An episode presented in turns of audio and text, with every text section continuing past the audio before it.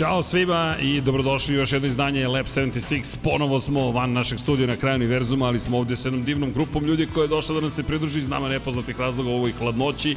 Tu je naravno gospodin Dejan Potkonjak i sam Ćao, tim. Ćao, Deki, radi se svima. o Moto Grand Prix. Ćao svima, naravno. E, dobro nam došli i hvala što ste zajedno sa nama. Nadam se da ima dovoljno mesta i nadam se da će vam biti dovoljno toplo.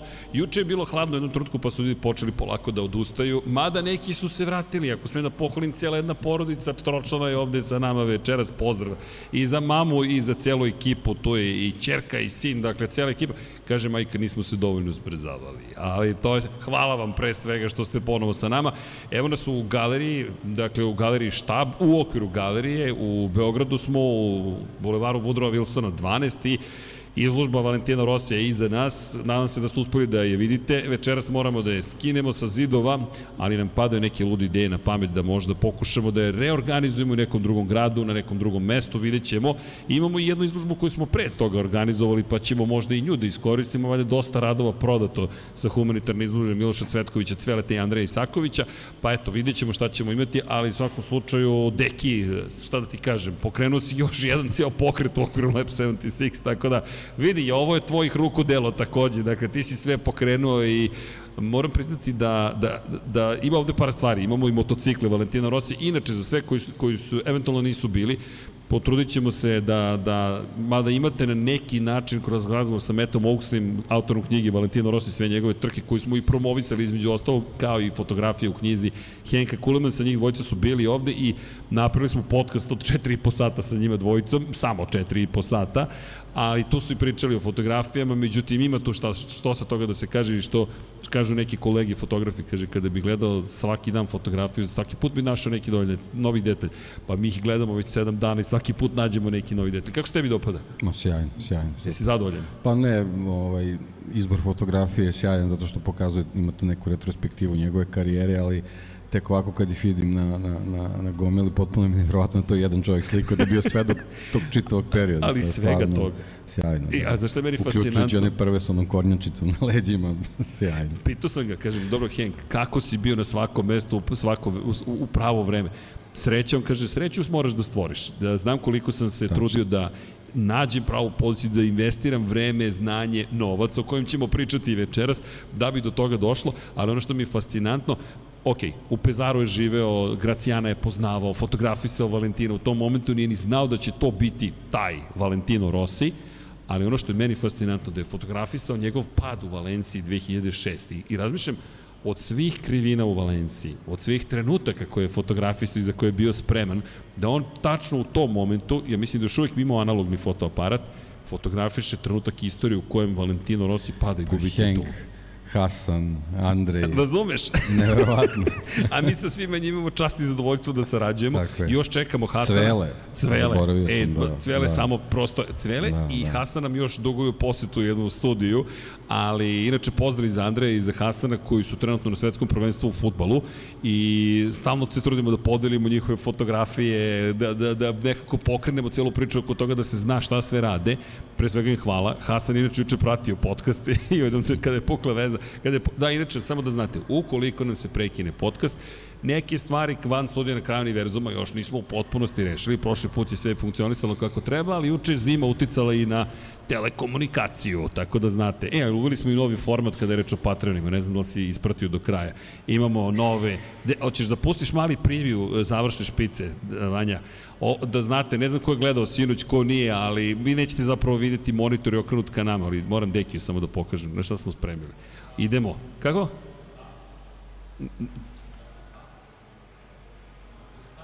Da, da, samo start, nemoj ceo, pa ćemo 7 i po minuta. A, reci, neki. A? To je to. to je to. To je to. Znaš koliko puta smo pričali o tome. To je to. Dakle, ko je gledao Superman, on nas je inspirisao da napravimo odjevnu špicu koja će biti u tom duhu. Spremamo još svašta nešto, ali moram samo da Pa kažem... dobro, pošto je- generalno jesu svi super, tako da... Jesu. Jesu, Hvala stvarno. još jednom, da. I ono što je meni bilo fascinantno jeste koliko je Petar e, uložio vremena i truda. Kaže, mora svaki da bude to kako treba. Petar je naš 3D umetnik postade čovjek dizajner umeđu vremenu, ali pošto je Moto Grand Prix ne zamerite što malo pričamo o izložbi. Ljudi, samo hoću eto ma, malo da dam pozadine dok smo još uvijek u ovom prostoru, da uopšte kako je došlo do izložbe, da krenulo je od knjige, međutim u celom našem, neću reći ludilu, u našoj kreativnosti, u našem kreativnom haosu, sve je krenulo od razgovora zapravo Dekija Potkonjaka sa Andrejom Isakovićem, hajmo da napravimo izložbu ajmo da napravimo izložbu, ok, i krenulo je zapravo od, od Monaka i paralela koje je Deki davno osmislio i to je realizovano najzad u septembru ove godine. Trebalo da bude u maju zapravo, sad možemo da otkrijemo, međutim ovaj prostor nije bio dostupan u maju i onda smo rekli, ajmo da napravimo u septembru, pošto i Red Bull Show Run se dešava i tako dalje, i pada nam na pamet, ajmo da napravimo Moto Grand Prix izložbu. I šta se desilo? Met koji kaže mogu u decembru, Henk koji kaže mogu u decembru u decembru, inače bi se ovo desilo u decembru 2023. Rekao, pitao, pa da nije malo mnogo svega toga u četiri meseca.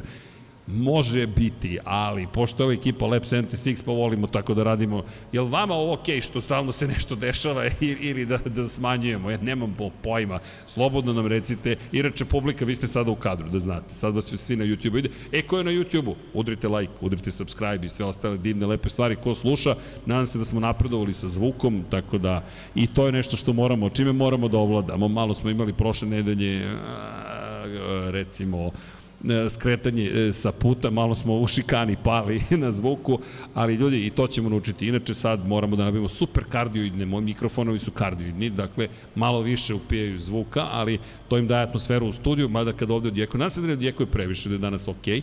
trudimo se vanje ja da naučimo i taj deo priče, mada imamo sada pomoć ja inženjeru, u svakom slučaju bit ćete još bolje, a ko zna kad sledeći put napravimo žurku, možda samo napravimo žurku, možda ne emitujemo na YouTube, nego se samo družimo i to će biti to. Elem, šta htedoh reći? Ljudi, samo da kažem da sam mnogo ponosan što su nam tu bili i Henk Kuhlmans i Matt Oxley, mislim da je to prvi put u istoriji da je organizovano potpisivanje knjiga o Moto Grand Prix. Mislim da generalno nije bilo mnogo knjiga o Moto Grand Prix. Autobiografija Valentina Rosija koju je objavio, ako se ne varam, kako beše, je li to mali princ, izdavač iz Pančeva ili tako, nešto ne zamerite mi, oni su to objavili pre 15 godina autobiografiju, mi smo onda objavili Moto Grand Prix jel te, retros, nije ni retrospektiva, celu, ceo opus svake trke Valentina Rosija i Markezova knjiga je zapravo treća, tako da, ali ne znam da iko ikada pozvao autor da dođe da potpisuje knjige. Inače i Henki Met su rekli, očekivali smo četvoro, petoro ljudi, ovde je bilo predivno, ja sad samo delim emocije, mnogo je bio lep osjećaj i hvala. Hvala svima koji ste došli večeras, jer je mnogo lep osjećaj za nas takođe, tako da eto, malo ne zamerite sebično, ali moram da, da izrazim prosto radost koju osjećamo što je izložba uopšte se desila i da pozdravim i Luku koji Mladenovića koji je pomagao oko zapravo formata, jer je želeo da budu što veći formati, pa smo tražili šta je na kraju Plexiglas je pao kao izbor i sjaj je tu i veliki formati za šampionski godine, mat je bio u, to je mat fotografije su ne šampionski godine i tako, zabavno u svakom slučaju. I ko zna koja će još izložba doći ako, ako se nismo ako nismo dosadili ljudima iz štaba i pozdrav za Marka iz štaba koji nas je takođe podrškao i cijelu ekipu iz galerije, bez njih se takođe ovo sve ne bi desilo. A i hvala vama što ste ovde. Ali, imam još par stvari koje bih da kažem u celoj priči, a to je da ćemo svakako i postere na osnovu fotografije iz ove izložbe početi da prodajemo od petka na sajtu, kao i da ćete moći da kupite fotografije koje su bile izložene ovde, neke su već prodate, uključujući nevjerovatno listinito onu veliku 1,5 puta 3 metra. Da, neko me pitao, će to iko ikad kupiti? Rekao, nemoj da pocenjuješ ljubav prema Moto Grand Prix, druga stvar, ne samo to, ima ljudi koji će za to naći prostor i da ne imenujem čoveka ni nam do, dozvolili. Ja prvo sam mislio da se šali kada me pitao mogu da rezervišem fotografiju. Pa razmišljam, pa možeš naravno. Pa kako, evo recimo da si na Twitteru je bilo upravo rezervisao, čovek zaista zove, gde nam je koleginica iz prodaje? E, negde. Evo je koleginica iz prodaje izronila. Molim se jedan aplauz za koleginicu iz prodaje, koja je prodala, nije prodala, ali na kraju ona završila, ali cela priča. Čujte, e, jeste prodajna izložba, nismo insistirali na tome, pošto je komercijalne prirode, malo smo mi tu još uvijek stidljivi relativno, ali dobro, to, to naučit ćemo i taj deo priče, međutim čovjek je došao i kupio, tako da eto, to su neke lepe stvari koje su se desile. U svakom slučaju, nešto što i nama pomaže, svi Patreoni, YouTuberi, svi koji ste ovde, pomažete nama naravno u celoj priči. A nećemo priše pričamo o pomoći, postojimo previše dugo da bismo pričali na taj način, mi ćemo da nastavimo ovo da radimo i tako dalje. A naravno, mazite se i pazite se i budite dobri jedni prema drugima. Pričali smo i pa i Art na kratko juče o Patriku Tambeju, malo se nam nedostajao iz te perspektive. Čovek koji imao te dve pobede, ali zašto ga spomenjem? Pa eto, još jedna osoba koju smo na neki način ispratili pri, možemo da pričamo i više o Patriku Tambeju, ali bit će, ja se nadam, Neki prilike. kažu poslednji gospodin Formule 1. Nedostajao si nam, ali znamo da ne da si zauzet, nego potpuno rasprodat u svakom slučaju. Juče, ali sjajna je bila tvoja poruka kad nam šalješ informacije. Rekao, znao sam da je Miloš vozio negde sa, sa Grožanom, samo nisam mogu da setim gde. Da, da, bila je sjajna trka. Ovaj, Miloš je bio na pol poziciji, Grožan je bio drugi, neče Grožan se te godine u GP2 Aziji naravno borio za šampionsku titulu, pošto je bio Art Grand Prix ekipe. I ovaj, Miloš je imao pol poziciju, vodio je sve do trenutka dok mu nije ovaj, motor jednostavno prestao da funkcioniše. Prestao da funkcioniše. da, Nazovimo to da, tako. Do tog trenutka je bila stvarno dobra trka. Ne, je, a, čekamo Miloša, ali da li možeš da nam otkriješ, nisam pričao sa njime, vi ste baš često u, u kontaktu i bliski ste, jel se spomenje hiperkar uopšte u nekoj opciji? Pa za sad je opcija, sledeće sezone će vratno voziti GT3. Dobro. Znači korak Bliže, dalje. naravno. Da, da, u stvari korak dalje od onoga što je do sad vozio, inače Milošević GT3 ovaj, specifikaciju Hurakana vozio dva puta na 24 sata Daytone i to ga već na neki način kvalifikuje za neko ozbiljnije učešće u, u, u trkama 24 časa.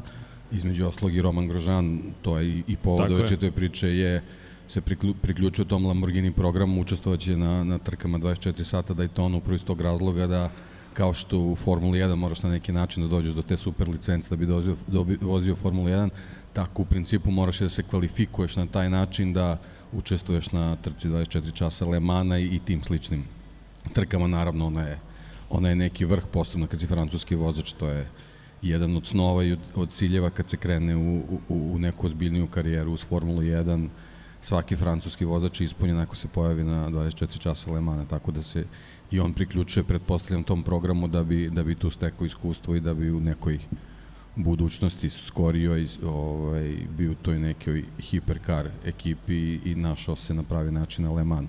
E sad što se tiče Miloša, naravno to su one standardne, standardne priče, Miloš je fabrički vozač Lamborghinija, to ne mora da znači ništa, jer zna se kako se dobijaju ovaj, poziciju tim, tim, da kažem, prvim timovima, tako da uz bez adekvatne podrške u stvari od toga. Naravno ne, ne može da bude ništa, ali on naravno radi, radi svoj posao kao vrhunski profesionalac kakav je bio od, od samog početka svoje karijere, tako da sledeće godine će biti u tom međunarodnom GT Open šampionatu, vozit će Huracan GT3 specifikacije, tako da biće jako zanimljive trke.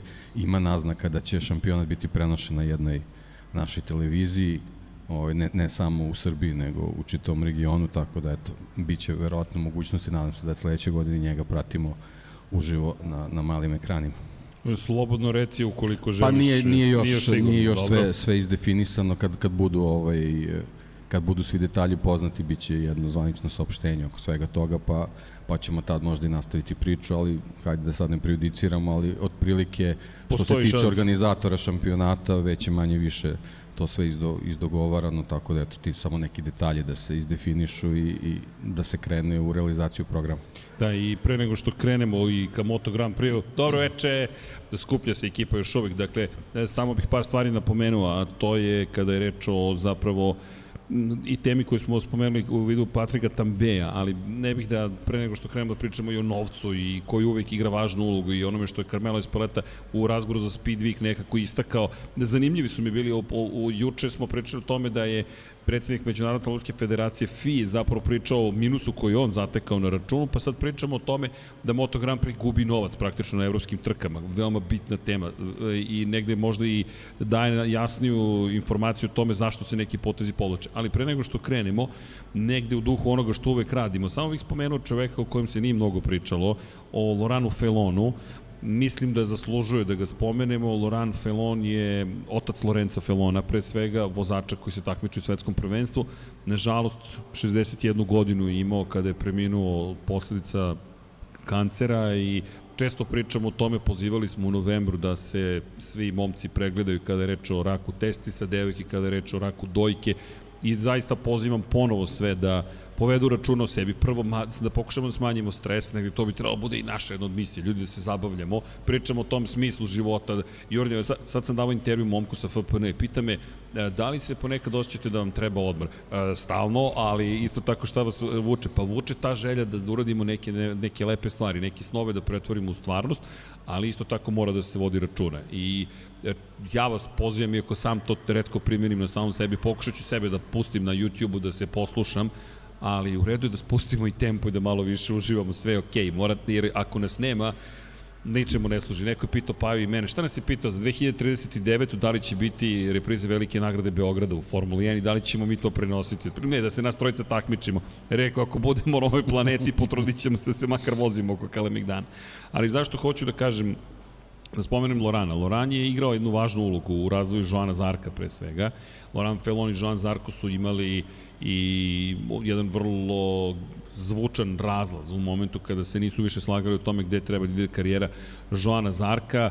S druge strane, Lorenzo Felon je momak kojeg smo ove godine videli kako napreduje i prosto iako sam Laurent Felon nije možda odigrao veliku ulogu u samom Moto Grand Prix u kontekstu toga da se sam takmičio na nekom visokom nivou ili postizao neke neverovatne rezultate, svaki ljudski život bi trebalo da bude svetinja i to je pre svega ljudi koji nisu baš, ne znam, zli ljudi, ajde da to, a ima ih na planeti, Laurent Felon svakako nije jedan od njih. E, e, niko od nas nije savršen i imati e, greške u životu ili praviti greške, to je sasvim ljudski, ali kada govorimo da kažem nekoj uobičajenoj grupi ljudi koja samo živi svoje živote u koju spadao i Laurent Felon, želim samo da kažem da prosto žao mi je i naravno da izjavljujem saočešće porodici, ali nekako Felon je ostavio trag u motociklizmu pre svega kroz Zarka i naravno kroz svog sina, pa čisto da ne prođe ta informacija tek tako. Da, da ne zaboravimo da je imao uticaj na to kako se razvijela karijera Zarka i da je igrao važnu ulogu u tome, u kontekstu toga da je omogućio Zarku sa dosta godina zapravo da se probije na kraju dana u Moto Grand Prix, što je bio jedan vrlo ozbiljan zadatak, jednostavno neko mi je poslao fotografiju na Suzuki u Joana Zarka pre, pre nego što su potpisali ugovor sa Aleksom Rinsom i razmišljam da, mogo je da bude u Suzuki. To je bio taj test, da. To je bio taj test. Pa eto, nikad nećemo saznati da li je možda Felonova ovaj, ideja o karijeri Joana Zarka možda bila ispravnija. E, zamisli da je Davide Brivio rekao, ok, ajmo da, ajmo da ipak dovedemo ovog momka u naš tim, ne Aleksa Rinsa, ili da Aleksu Rinsu damo neku drugu vrstu ugovora i taj, taj nedostatak Suzuki koji je sad potpuno nestao da smo imali četiri Suzuki, vraćamo se opet na novac, možda bismo zamislili samo tu kombinaciju privatnom, na privatnom Suzuki sedi Zarko sa još nekim, u fabričkom timu Alex Rins zajedno sa Alešom Espargarom i onda sutra, na primjer, stiže u tu celu priču kada se Aleš iznervira, kada je doveden Janone, da, zapravo, prvo je doveden Janone, cijela ta priča kako se razvijela, zamisli da smo imali neku drugu priču. Zapravo Aleš je otišao, ne, Janone je bio tu, tako je. A kad je Janone došao, inače Aleš na fotografiji iz 2016. se vidi tamo na startno ciljnom pravcu na, u Asenu. I to bi bio mnogo simpatičan moment. Suzuki starim bojama, 41 ga sa njime ide. Ne, Aleš, ne. Ali pravi potez povukao. Inače, kada pričamo o Žanu Zarku, samo da ne zaboravim, to čovjek koji svoje dve titule sa Akijem Majom u Moto2 kategoriji. Sponzori su bili malo drugačiji, pa nije bio Red Bull, KTM, Majo, ceo tim, ali tu je već postojala veza, kasnije kada je otišao u KTM, znali su da, da žele da angažuju Joana Zarka. U svakom slučaju pamtimo i Lorana Felona, kaže, bio je vozač, nije ostavio neki duboki trag iz te perspektive, bio je mehaničar, ali prepoznatljivo lice svima koji su pratili Moto Grand Prix zaista tragedije sa 61 godinom da nas napusti, nije mnogo stariji od, od nas, tako da iz te perspektive vodite računa jedni drugima. Generalno vodite računa, gledam i ka publici koja je ovde i ka kamerama. U svakom slučaju, da, nisu baš praznici kakve su želeli, ali još jednom, budite samo dobri jedni prema drugima. A kada pričamo o našoj glavnoj temi, znam da smo rekli da ćemo večeras pričati o retrospektivi sezone, ali ljudi, dosta je ljudi prisutno u galeriji. Biće sve hladnije i hladnije, pošto polako odlaze ljudi iz galerije, uskoro će se ugasiti grenje koje dolazi iz polja, pa, bi, pa smo odlučili, nadam se da, da nam to ne smeta, da za, pomerimo za jednu nedelju zapravo retrospektivu i da onda uradimo prvo Moto Grand Prix, prva polovina, druga polovina Moto Grand Prix i onda jednu emisiju da odvojimo za to. Pored toga, pošto dosta tweetova danas, ne znam da li ste videli, Vanja, poslaću ti jedan tweet koji mislim da je predivan i koji nam je dao ideju zapravo da uradimo jednu novu emisiju. Vladimir Đorđević se složio tako da držim palče da će tako i ostati. Vanja, stiže ti na Slack. A to je zapravo šta je gospodin Đorđević uradio uzeo je uh, ovako, jedan Arduino, dakle, spojio, ne znam da ste to videli na Twitteru, a ukoliko niste, šta je učinio? Dakle, uzeo je 3D printer i napravio upravljač. I pokušat ćemo da vam pokažemo, ali, čekaj, deki, ti ćeš deki videti, ali evo za one koji su u publici, i sada jedno dete preko Arduina upravlja zapravo preko kontrolera na Playstationu igricom koja se zove Moto Grand Prix. Pa eto, možda budemo bolji deki nego do sada, u svakom slučaju cheat code je pripremljen, ali ono što ćemo uraditi zapravo Vladimir ja smo se dogovorili ukoliko budeš želeo, koliko ti baš dosadno u životu, da napravimo to pred vama i da vam napravimo to zapravo iskustvo kako da napravite sebi upravljač koji je zapravo motociklistički, jel te, E to, Vanja, za sve one koji su kod kuće, pozdrav za ekipu Đorđević, kao što možete videti, sve je tu. Imate kočnicu, pošto je jedna, ali eto, jedna baterija 9 V, jedan Arduino i aktuatori su tu koji zapravo upravljaju. Reci neki. potpuno, Sjajno, potpuno spektakularno. Morao sam i pisao sam, rekao, odmah hoćeš da snimamo, daj da snimamo, tako da, i kaže, jedan Arduino, jedan MotoGP, jedan 3D printer i nekoliko sati mog vremena, jednako jedan srećan klinac. Kaže, srce, hoćeš i tebi da napravimo ovo? Apsolutno, ajmo zajedno da napravimo. Rekao sam... Nama je neophodno. ja, jesam odsvali mašinac, ali nema veze, daj da se malo podsjetimo neki, onda sledeće godine kad vozimo, vozimo ko ljudi, a ne na upravljač. Ne može, mora, kako imamo volan za Formula 1, moramo i za ovo da imamo upravljač. U svakom slučaju, eto, pozdrav za celu ekipu, pa eto, to je nešto što bi makar mene obradovalo, mora reći to ti u celom ovom duhu šta se događa u Moto Grand Prix. Ele, ali glavna tema večeras nam je Show me the money ili pokaži mi novac u Moto Grand Prix. Dobro veče, imamo ovde neki goste sa strane. Zdravo! Mislim da smo postideli najmlađeg člana gledališta. tu je sa tatom, ali nema veze. Mi smo mahali. Pogledajte izložbu ukoliko možete. U svakom slučaju, i tema je pokaži mi novac ili ti show me the money. Gde je taj novac o kojem se toliko priča u Moto Grand Prix i što svi kukaju na pare i šta se sve događa. Imam spisak staza koje mi nedostaje. Evo, kao uvod, čisto da znate šta je pričao Carmelo Espoleta, izvrši direktor Dorne, koja je vlasnica komercijalnih prava. Šta znači komercijalnih prava? Oni komercijalizuju Moto Grand Prix. Dakle, sve što mogu da prodaju, prodaju preko Dorne, osim kada je reč o samim motociklima, vlasništvo timova je ono što se nalazi na oplatama njihovih motocikala. Ono što se nalazi na stazi dogovaraju zajedno sa organizatorima trka i oni su ti koji komercijalno učestvuju u svim tim pregovorima. Pravo da se negde organizuje trka leži kod Dorne, dođe Dejan, vlasnik staze ili čovek koji upravlja stazom koja se zove Katalonija i kaže ja hoću da organizujem trku Moto Grand Prix. Ugovor potpisujete sa Dornom.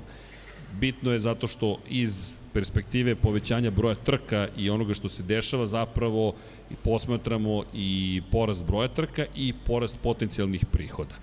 Carmelo je rekao da za Dornu trenutno su sve evropske trke zapravo gubitak i da oni imaju minus u Evropi i da zato moraju da uvode veliki broj staza sa drugih kontinenta. Skoro pa me rasplakao. Je, jel si, Malo si rastužio? Malo je da. da.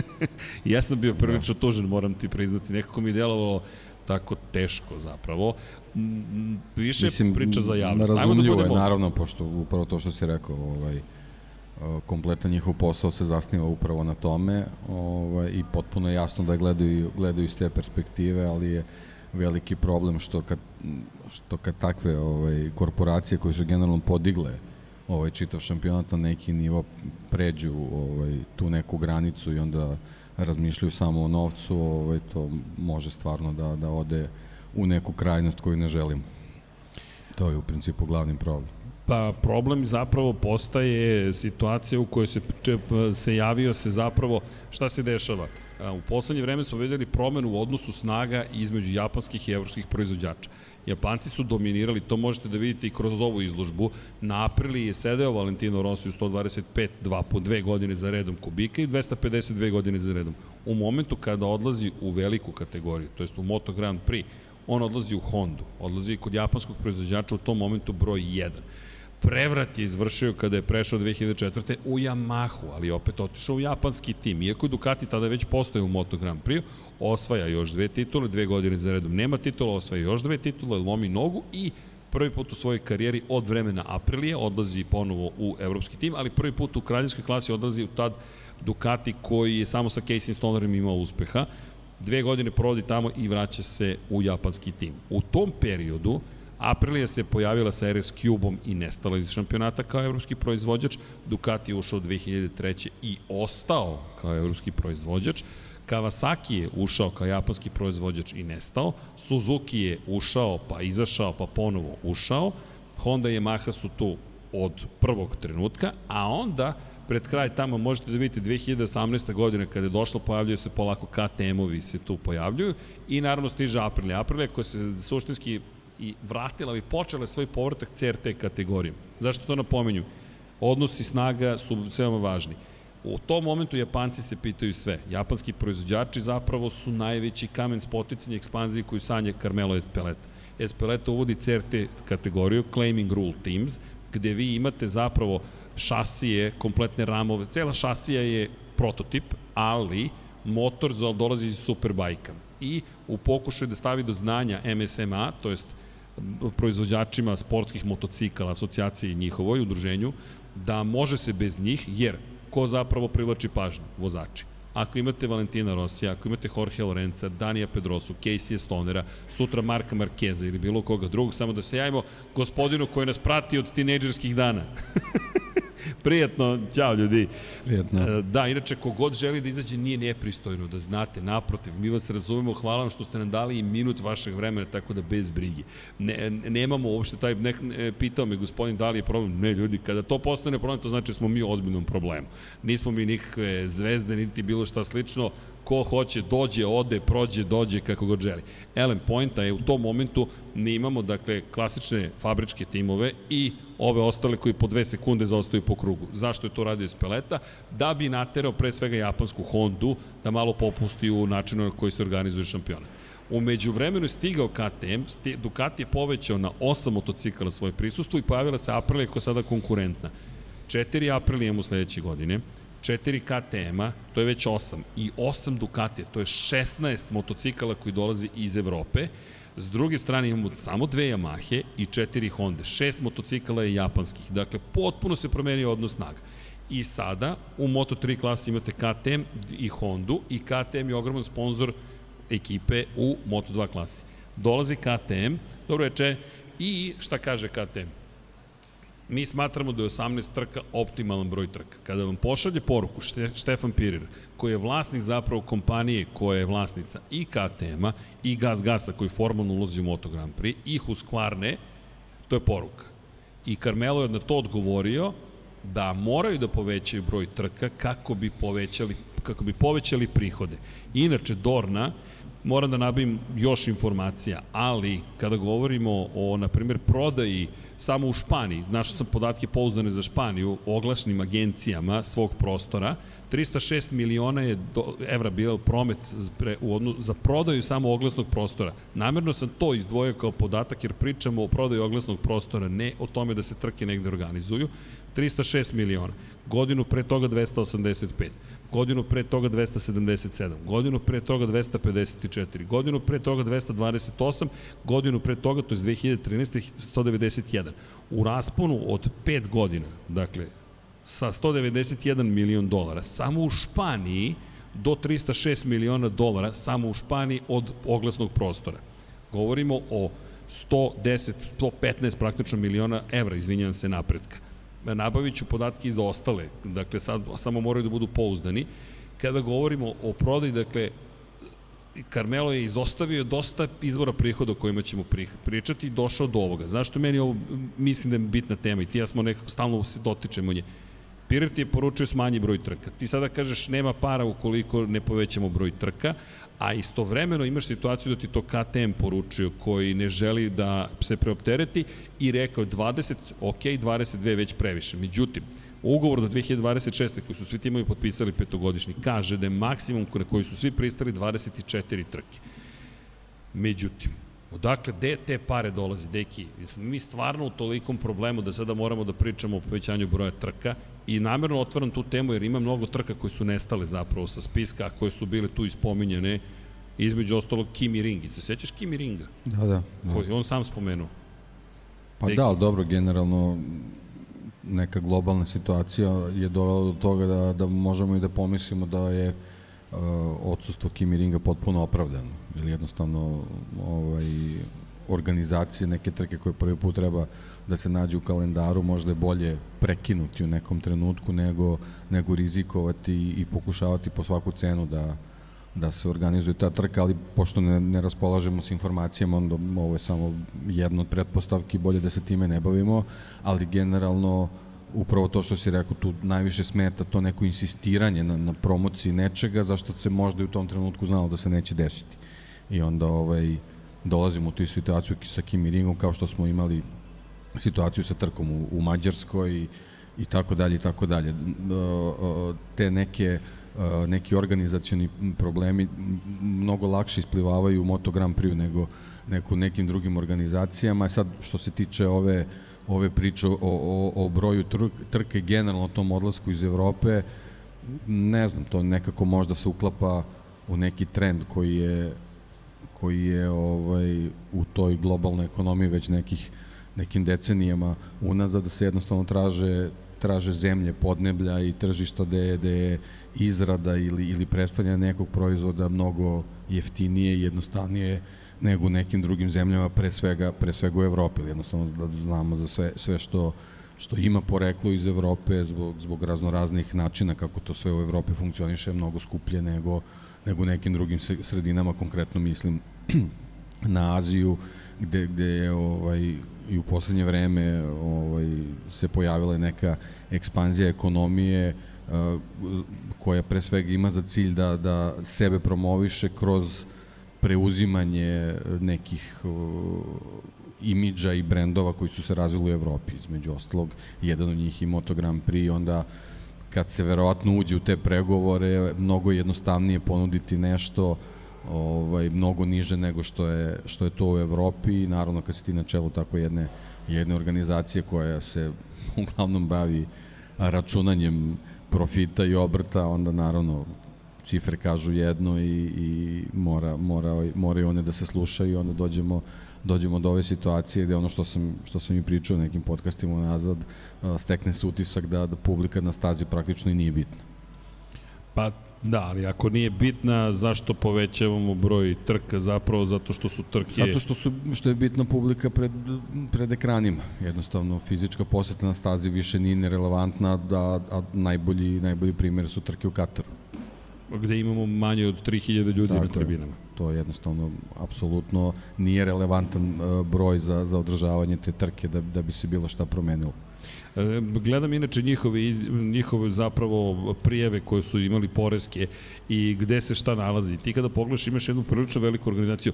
Lako roć, devojke, dakle, kada je reč o, o, o organizaciji, jeste ogromna organizacija i ti moraš zaista imaš veliki broj ljudi na samom terenu koji to moraju da organizuju. Inače, Carmelo je spomenuo da ih ist, da košta da organizuju trening, na primjer, u Maleziji, kao što ih košta da jedan petak, na primjer, na bilo kojoj drugoj stazi činjenica košta, da li košta baš toliko, cenim da košta malo manje, pošto ne moraš da se baviš toliko publikom, ali bez obzira, to su otprilike te cifre, to je ti brojevi, izvinjam se, Dakle, kada govorimo o organizaciji, došli smo do toga da otprilike ispada da time što smo smanjili broj testiranja smo uštedili pare, ali da li smo uštedili pare ako ti moraš onda da primoraš timove da troše negde drugde pare? Ili si samo trošak prebacio u potpunosti pa, na ekipe? Pa da, ali ekipe troše pare, pa da. Dorna ne troši, tako da uvek je uvek je bezbolnije da neko drugi to radi za tebe.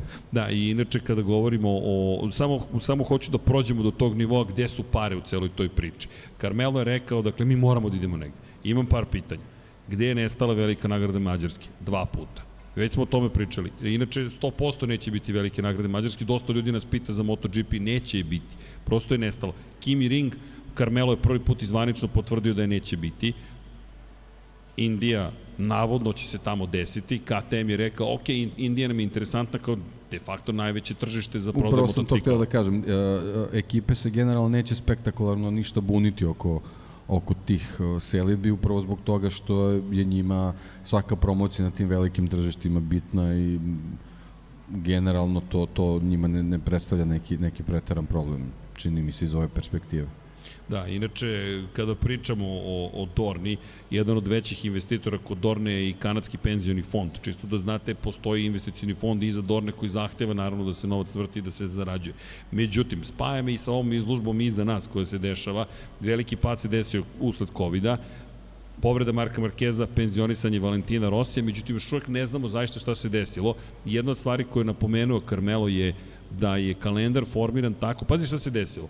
Moto Grand Prix je pre 5 godina došao do nivoa, samo ovaj porast oglašavanja u Španiji. Inače, zašto izdvajem Španiju? Španija i Italija su dva ubedljivo najveća tržišta kada je reč o Dorni. Zašto se često insistira na britanskim vozačima? Zato što oni otvaraju još jedno potencijalno veliko tržište. Zašto žele američkog vozača? Zato što se otvara još jedno potencijalno veliko tržište. Zašto im je bitno da imaju nekoga ko dolazi? Bilo iz Japana, sa Tajlanda i tako dalje. Baš zbog toga. Međutim, dolazimo u situaciju zapravo da je Dorna imala moment u kojem je praktično mogla, neću reći da se izjednači sa Formulom 1, ali da svoj kalendar formira bez previše obzira na to kako i šta radi Formula 1. To više nije slučaj. Mi imamo potpuno suprotnu situaciju trenutno. Formula 1 se u potpunosti oporavila od COVID-a. Kao da se COVID nikada nije desio. Mi brojke koje gledamo u Formula 1 su besmislene. 400.000 ljudi po trkačkom vikendu. Samo meni šta to govori? Deluje mi da su ljudi zainteresovani da dođu na stazu. Pri čemu, ne vidim subotom da ima nekih super aktivnosti na samoj stazi, u Formuli 1 koji ne možeš da doživiš u Moto Grand Prix. Imaš Formulu 3, Formulu 2, Porsche Supercup, ali trening broj 3 nije sad neki trening koji je najvažniji i imaš kvalifikacije koje su svakako uzbudljive. I imaš kvalifikacije Moto Grand Prix koje su takođe uzbudljive. Doći ćemo do toga šta se desilo, zašto, sad mi je 100% jasno šta, gde mislim da Dorna vidi zapravo povratak ljudi na stazu. Što je kontra onome što stalno pričaju zapravo nije nam bitna staza. Pa je vam bitna ili nije? Mi imamo osjećaj kao da ne znaju zapravo gde da krenu. I da su se u ovom trenutku izgubili. Inače, ko nije pratio Formula 1, danas su saopštili gde ćemo sve voziti sprint trke sledeće godine. Baku između ostalog da, će malo, biti sprint malo je promešano, da. Gde si primetio tamo da ima malo više preticanja, ono što i Hamilton traži i ono što su generalno vozači tražili. E sad, Mi ćemo dobiti sledeće godine 21 sprint trku, klasičnu sprint trku. I sad, ako pogledamo, gde, novac inače stiže od prodaje ulaznica, naravno. Dakle, Formula 1 je dovela do toga zašto ćemo imati tri nedelje pauze u maju. Zato što su rekli, to je Carmelo izjavio, morali smo da izbegnemo poklapanje sa trkama Formule 1. Pazi, to je prvi put da zvanično čujem, čak ni pre 10 godina nisu pričali na taj način, nego su nekako između redova govorili da ne žele, preklapanje. Ne, oni su bukvalno rekli, ajmo da Mugello ne bude istoga dana kada je i velika nagrada Monaka što jeste bio šok, moram ti priznati. Znam zato što smo od Paja na kraju pokušali da radimo sa više mesta prenos, koliko toliko uspešno, ali ti si sad sklonio u potpunosti jedan bitan deo sezone, a pritom si rekao da zapravo ideš u Aziju sa samo dva vikenda pauze, baš zato što moraš da vodiš računa i o tome i o troškovima kada je reč o tome dolaziš, odlaziš, dolaziš, odlaziš. Moram ti priznati, malo mi izbunjujuće. Gde je taj novac na kraju? Je li onda to publika ili je televizija? Šta ti je bitnije u celoj priči? Pa, ja sad ne razumim. Ja, ja mislim da je televizija bitnija i upravo to uvođenje trka subotom, ja pretpostavljam da je to neka računica koja pokazuje da Moto Grand Prix subotom nema na ekranima. E, ali to Pre svega zanima. zato što Formula 1 ima, jer mnogo... Samo da mahnemo. Laku noć. Prijetno, zato što Formulu 1 mnogo više ljudi tradicionalno prate subotom, Formula 1 ima na ekranima, a Moto Grand Prix-a eventualno kroz kvalifikacije Moto Grand Prix-a. Koliko god to čudno zvučalo, ali to je jednostavno istina. Ja mislim da, da je televizija gde vi radite verovatno jedna od redke koje, koje prati sve, sva takmičanja kroz sve dane. Znaš Tako da to, to je verovatno taj nedostatak koji, koji je Dorna uvidela i onda je pokušala, znači na uštrb ekipa i vozača, da reši tako što će po, po, pokušati, u stvari dobit će verovatno rezultate da poveća gledanost subotom kroz, kroz uh, dupli broj trka. E, Znaš šta se desilo sada dok su bili tu i, i Henk i Matt i Henkova lepša polovina Marhin kaže selimo se za Srbiju. Zašto? Mogu da gledaju i trening broj 1 Moto trojki Tako i je. Moto dvojki i Moto Tako Grand. Prix-a i trening 2 i trening 3 kvalifikacije. U Holandiji toga nema. U Holandiji toga nema. Ali zapravo sad mi daješ nešto drugo mi daješ kao ideju. Rešavaš dva problema. Sa, u subotu, dakle, trka, pa ćemo to da gledamo na TV-u, jer mora da se prikaže trka, jer se ipak trka desila, a ko je došao na stazu, ne Ostaće, može da čeka nedelju, već mora je. da dođe u subotu. Tako je. Ili ti. Tako je. Baš smo pričali, ne znam sad dalje u publici, gospodin, diskutovali smo malo pre. Zašto, zašto ljudi dolaze u petak na Formulu 1? Deki, zašto dolaziš u form, za Formula 1 u petak, a ne dođeš na Moto Grand Prix? Šta pa- je to Formula 1 uradila pokraj staze da te privuče? Imam osjećaj da je Formula 1 otišla u drugom smeru, da je pa, postala kako, event industrija. Moto Grand Prix za one koji, koji prate Moto Grand Prix, on je generalno pristupačniji. Mislim, složit ćeš se i po cenama po, i tako dalje, po, po, po, po ulaznicama, merchandisingu, svemu, a što se tiče Formula 1, ona je ipak uvek je u stvari bila ne, ne, nedodirljiva generalno za, za, za većinu i onda je taj petak nekako, nekako dan koji omogućava ljudima da, da, da se pojave uh, uživo tamo, iako možda svesno neće, neće biti u prilici da prisustuju nedelju, nedelju trci, tako da tu postoji možda 1% ljudi koji bukvalno se samo petkom pojavljuje na Formuli 1 čisto da bi, da bi uživo, uživo prisustuo, ali ja verujem da je to neka lokalna ekipa. Ali znaš šta me, izvini, čudi? Formula 1 je rasprodala ulaznice. Za većinu trka su ulaznice rasprodate za sledeću godinu. Rasprodato je. Pa, dobro, to je možda sad više malo onako Razumeš? marketinški neki potis. A, ili moda. Znaš, generalno god. uvek nedeljom možeš da pronađeš priličan procenat ulaznica. I, ali sad je stvarno da. postalo pa, gotovo dobro, jeste, jeste. Znaš, ali jeste, ima... Ali Ne svugde. Ne svugde, ali ne svugde. svakako. Ali vidi, Red Bull Ring, Ring, to je sve rasprodato. Dakle, Belgija, pretpostavljamo efekt Maxa Verstappena. Ali znaš šta me zanima? U celoj toj priči, ti sad prodaješ ulaznice. Moto Grand Prix, inače, kupujte sada ulaznice pre nove godine. Ko hoće na trke sledeće godine, do 31. decembra je popust. I to nije mali popust. Sada stvarno možete da nabavite ulaznice tipa 95 eura, nemojte mi verovati tačno reči, je za sva tri dana za, za Red Bull Ring da, nećete biti na, na glavnim tribinama, bit ćete e, negde na livadi nekoj, ali opet, to su tri dana, dakle, ko, ko hoće, pri čemu, apropo cele priče o trkama u subotu, zašto imamo problem? Ali dobro, znaš kako, to u tom automoto svetu i nije toliki fenomen. Uh, 24 časa Le Mans, trke koje smo spomenjali. Jasno. Sledeći dan, nemaš više ulaznice za tribine. Bukvalno. Znači, kako se završi trka? Sledećeg dana nemaš ulaznice za tribine za sledeću godinu. Nemoguće je da je nađeš. To, to, to, je, to pa, je posebna trka. Pa ne, ali hoću, hoću ti kažem, znači, postoje neke trke u Formuli 1 u kalendaru za koje se podrazumeva da će biti rasprodat. Da će biti rasprodat. E sad, kako će ovi 20 plus da, da se ovaj nađu u, u tom košu, ne znam, eto Evo, izvini. Volio bih da vidim kako su organizatori to zamislili. Kaže Maja Kvartararova, tweetovala pre minut, jel planira neko da ide u Barcelonu na trku? Znam da je tek u septembru, ali imam neka pitanja. dakle, mora sad već da se planira. Ali, ali evo, Majo, retweetovali smo, pa nam se da će neko pomoći. Pozdrav za Kvartararovu. Ali znaš kako, nije, nije samo, to, to je lančano, nije samo problem u ulaznicama za stazu i hoteli, i aviokarte. Jeste, sve, sve zajedno. to vezano u, u, u tom paketu, mislim svi koji su bili znaju, kada za, za te datume gledaš sve ostale stvari, sve prateće, cene su apsolutno ono probile sve, sve, sve granice ako se u poslednjem trenutku nabavljaju. Tako da to to je sve povezano i nekako je i prirodno kad se organizuje takav put da, da se to radi dosta ranije. E, ali apropo, šta se meni čini? Dakle, malo pre smo to pričali, da je Formula 1 uspela da, da otvori jedan novi period, da priđe jednoj novoj publici i da napravi event, to je da napravi događaj.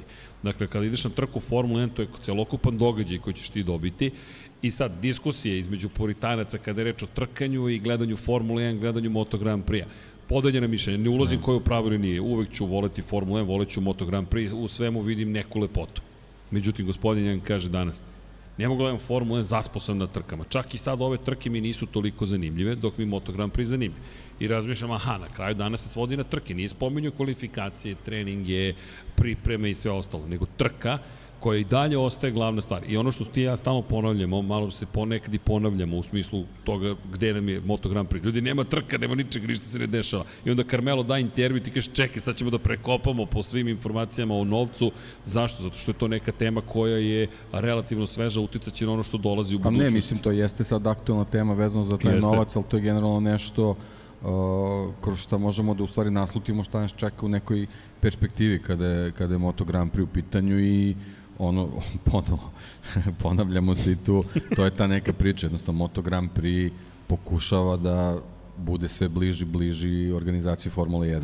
Ali ne može da bude nikada. Pa, Iako ne može, su se sastali, ali ne može. ne može. Pri čemu, ti ovde se na ovim fotografijama vidi zašto koji problem zapravo, ako sam te dobro razumeo, mi najveći problem imamo na kraju dana, ok, nismo puritanci, nego postoji jedna velika razlika između Moto Grand Prix-a i motociklizma i automobilizma, a to je opasnost koju ti sportovi nose sami sa sobom. I to je ono na čemu ti stalno insistiraš. Svako sedanje na motocikle je zatrašujući. Zapravo sam čak i zaboravio neke, neke detalje. Inače ovde na dvotaktašima mi je fenomenalno. Ovde inače ovo velika fotografija iz 90, 97. tamo još, pokazuje Valentina Rossi, tu sa svima pričao, bio sam maksimalno dosadan, Pogledaj, trk, pogledaj trkanje, izlazi na, na, na, na, na pravac u Paul Ricardu, dakle izlazi na pravac koji se zove Mistral. Znaš o kom pravcu pričam. Inače, kritične su krivine pre toga da biste imali brzinu. On je na izlazu, on je već na punom gasu, verujem da je već peti, ako ne i šesti stepen prenosa, i leva ruka, to je prsti leve ruke su mu na kvačilu. Govorimo o dvotaktašima. Mi govorimo o tome da ko je vozio dvotaktaše znaće držiš ruke na kvačilu zato što ukoliko zariba motor, ti moraš odmah da, da reaguješ. Inače ćeš biti lansiran i to stalno pričam u toj, u toj sceni i danas nešto razmišljam upravo u tom kontekstu Inače, jedan komentar bio, ja, mene su učili da držiš tri prsta, dobro, ali ako ste Valentino Rossi, možete dva prsta, pogotovo u trkama da držite. Ali je point u sledećem, da si ti stalno bio, zapravo si stal, neposredno opasnost stalno vreba. To smo videli dalje u Moto Grand Prix. Mi, nažalost, gubimo decu neprekidno u nižim kategorijama takmičenja, dok je automobilizam sve bezbedniji i bezbedniji. Motociklizam, kada mu pada bezbednost, zahvaljujući izjednačenosti motociklizma i činjenici da se kreće sa 4, 5, 6, 7, 8 godina. Pa evo ovde imamo Rosija na mini motovu, jedva, jedva je dete otprilike, ali on je već na motociklizmu. Iz te perspektive zapravo najveći strah. Ali, Carmelo potpisivanjem ugovora sa, sa sve većim brojem staza postiže dve stvari, o tome smo pričali.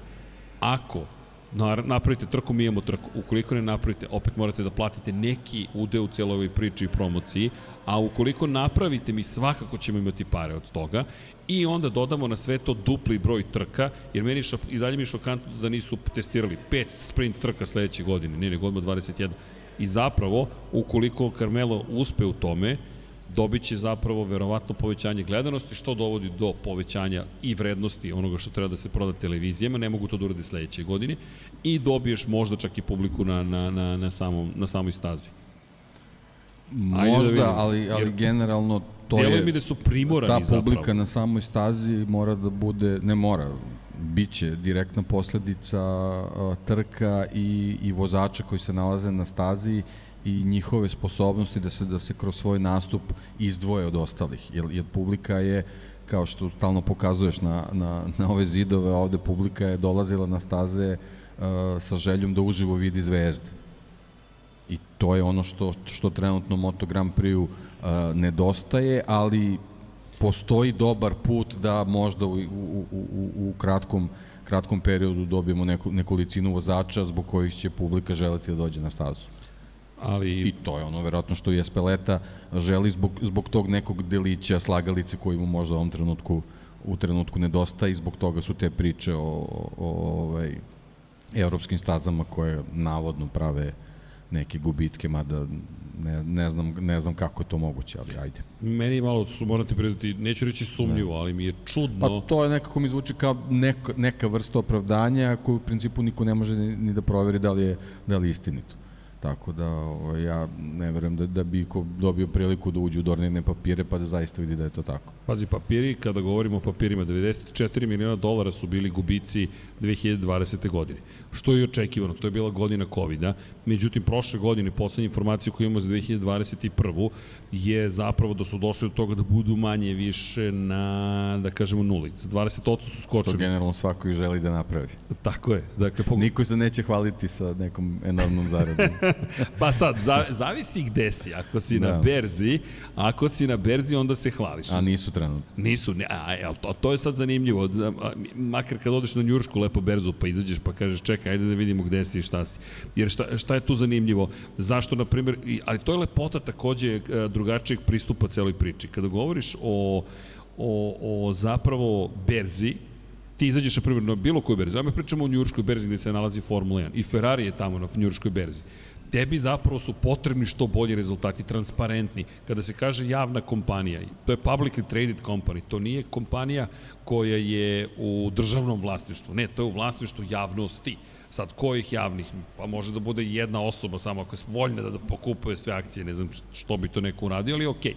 I u suštini, tebi treba što veći prihod. Kada, kada, kada je drugačije, kada nisi toliko transparentan, Dorna ne može da se baš pohvali transparentnošću, onda ti onda možda... Kukaš. Onda kukaš. Da, da. Onda kukaš. Tako, Ima tu... meni, meni sve ovo liči na, na to. I znaš, znaš gde postoji problem? I da, sad znam da ću, što kaže Matt Oxley, moram da vodim računa šta ću reći. Se rećom manje razumeju srpski jezik. Pa da, on je, on je baš u problemu. O ne, on je rekao, ovako se vidiš ga da vrti po glavi i kao, mmm, šta me neće uvaliti u nevolju. Već, ne. inače... u novi strajk. da, ali znaš da je on na, na, zapravo po, e, jedna od stvari koje su radili novinarima u Dorni, kada bi ušli u sukob, je ukinuli bi nekome godišnju propusnicu.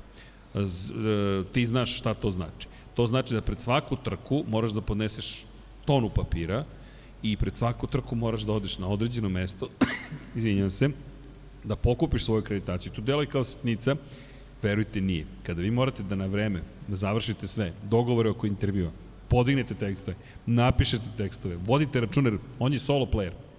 Inače, Met je počeo sam da objavljuje svoje knjige. Dakle, ne želi više da se rađuje ni sa izdavačima, uzeo je svoja prava, a inače naslovnu za knjigu nije nam sad tu, ali kada sledeće nedelje u studiju ću pokazati, je sam napravio, ali od kolaža, nije digitalno pravio, nego je sekao fotografije iz novina, složio kolaž, fotografisao ga i onda je to napravio kao naslovnu stranu. I rekao, ne, od sada radim sve sam. I, i, i inače, to moram stvarno da prenesem, dakle svima koji ste bili, hvala vam i u Metovu Henkovu ime da vam prenesem zahvalnost pošto su potpuno bili oduševljeni prijemom i rekli su, zaista nismo očekivali toliko ljudi da će doći zapravo što da, da, da, da nas upozna, vidi, traži potpis ili bilo šta slično, bilo, bilo im i mnogo lepo. Da li će nekada ponovo doći? Ljudi, nemamo pojma. I njima je ovo negde oduzimanje od privatnog dela života, ali je Oakley rekao, vidi, ja gledam ovo kao odmor, gledaj kao odmor, mi te nećemo zadržavati. I sećate da smo pričali, da li treba sad budemo vodiči kroz grad, mi nismo bili vodiči, nemamo pojma šta su videli, zašto što su odrasli ljudi, proputovali su stvari i videli koje mi možemo samo da sanjamo, nije potrebno da ih držimo za ruku i samo smo mi rekli, hoćete da vas držimo za ruku ili ne? Nemoj, molim te.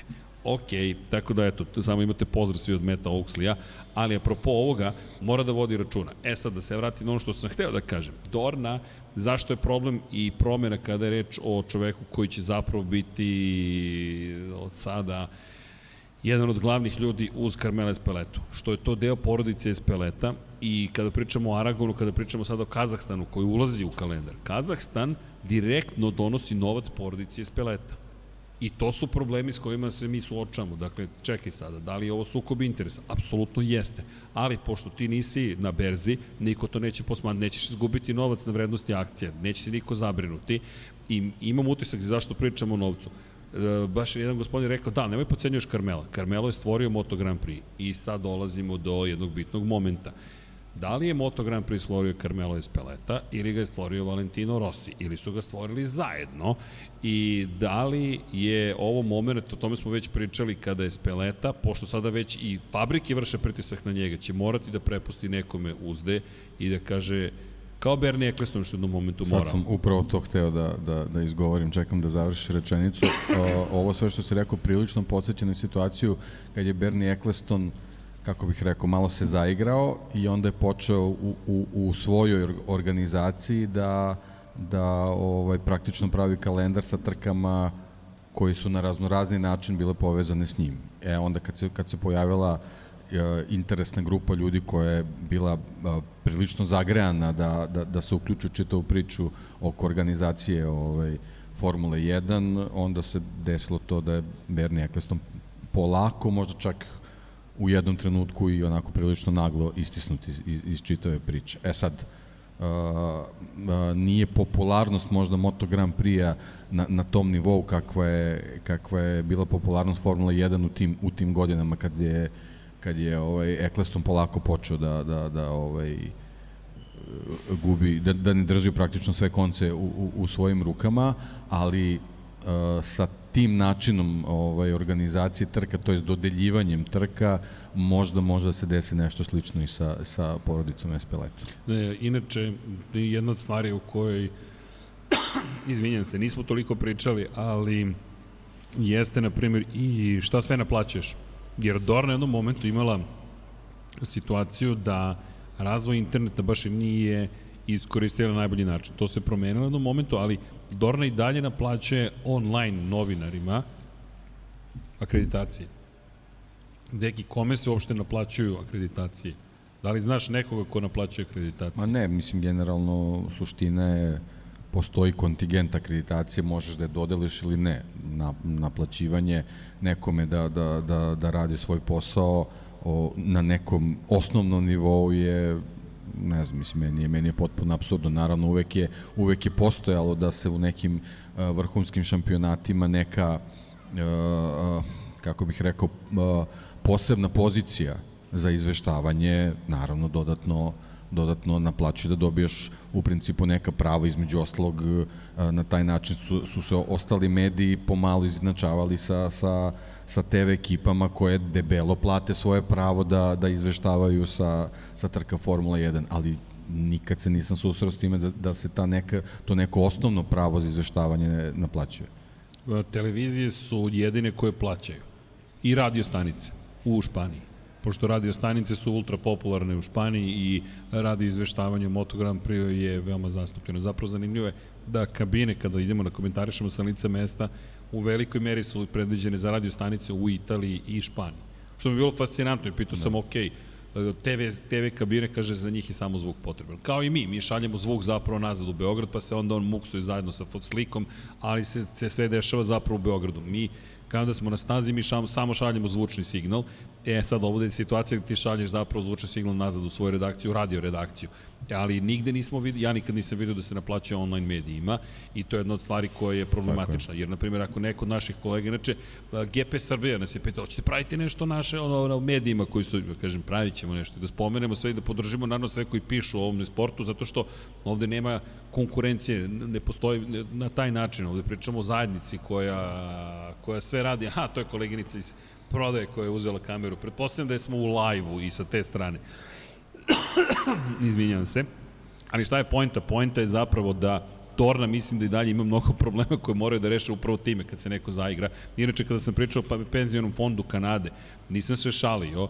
Jedan od dva vlasnika zapravo kompanije jeste zapravo takozvani, um, hajde da kažemo, imamo um, korporaciju koja je osnovana u Kanadi i investicioni zapravo board CPP Investment Board, to je Canadian Pension Plan Investment Board, ili ti penzioneri Kanade žive od Moto Grand Prix, čisto da znate, da, i da li mogu da vas zamolim koleginice za jednu maravicu, pošto mislim da će mi biti potrebna.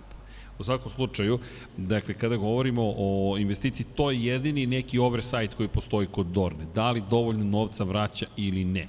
Jer neko je pričao, ukoliko ovo ne uspe, ja mislim da postoji Zašto ovo liko pričamo? Zato što mislim da prisustujemo promeni ozbiljnoj u Dorni u narednih 3 do 5 godina.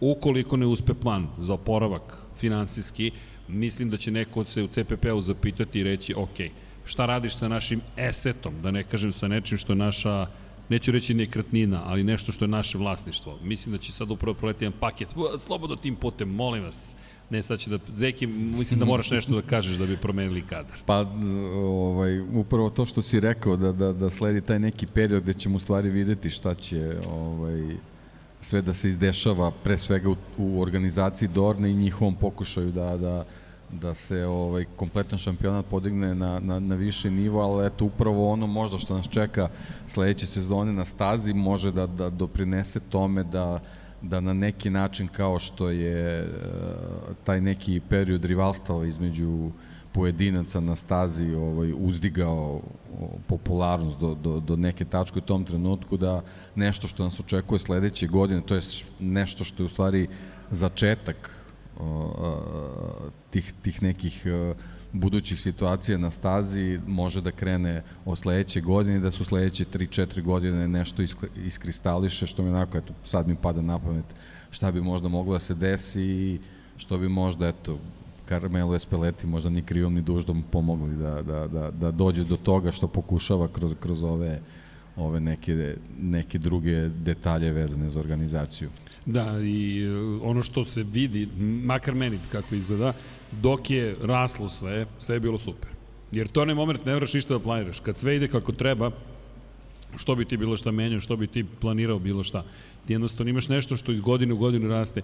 I kad smo pitali Carmela Espeletu, šta se desi ukoliko ovo ne uspe, njegov odgovor je bio, pa do sada mi sve uspelo. Da. I razmišljam, da li je sve uspelo ili je ukupno, kada sabereš i oduzmeš sve, bilo toliko uspešno da neuspehe nisi ni, ni primetio. Pa zapravo. i to, i znaš, sve, sve što je bilo uspešno, su u stvari, sve su to bili proizvodi neke situacije koje su u stvari služile kao zamajac da se to sve, sve nosi. Mislim, ono što si ispomenuo na početku ove priče, ono što je stvarno njegova ogromna zasluga je, je ovaj, mogućnost da, da, da, da, da, da kreira šampionat koji je preživeo zahvaljujući tim malim ekipama koji su praktično popunjavali samo, samo broj, broj na, na, na gridu i gde su samo povremeni uspesi u stvari e, možda čak i služili kao magnet za, za, za, za, za neki deo publike da ostane uz, uz, uz Moto Grand Prix.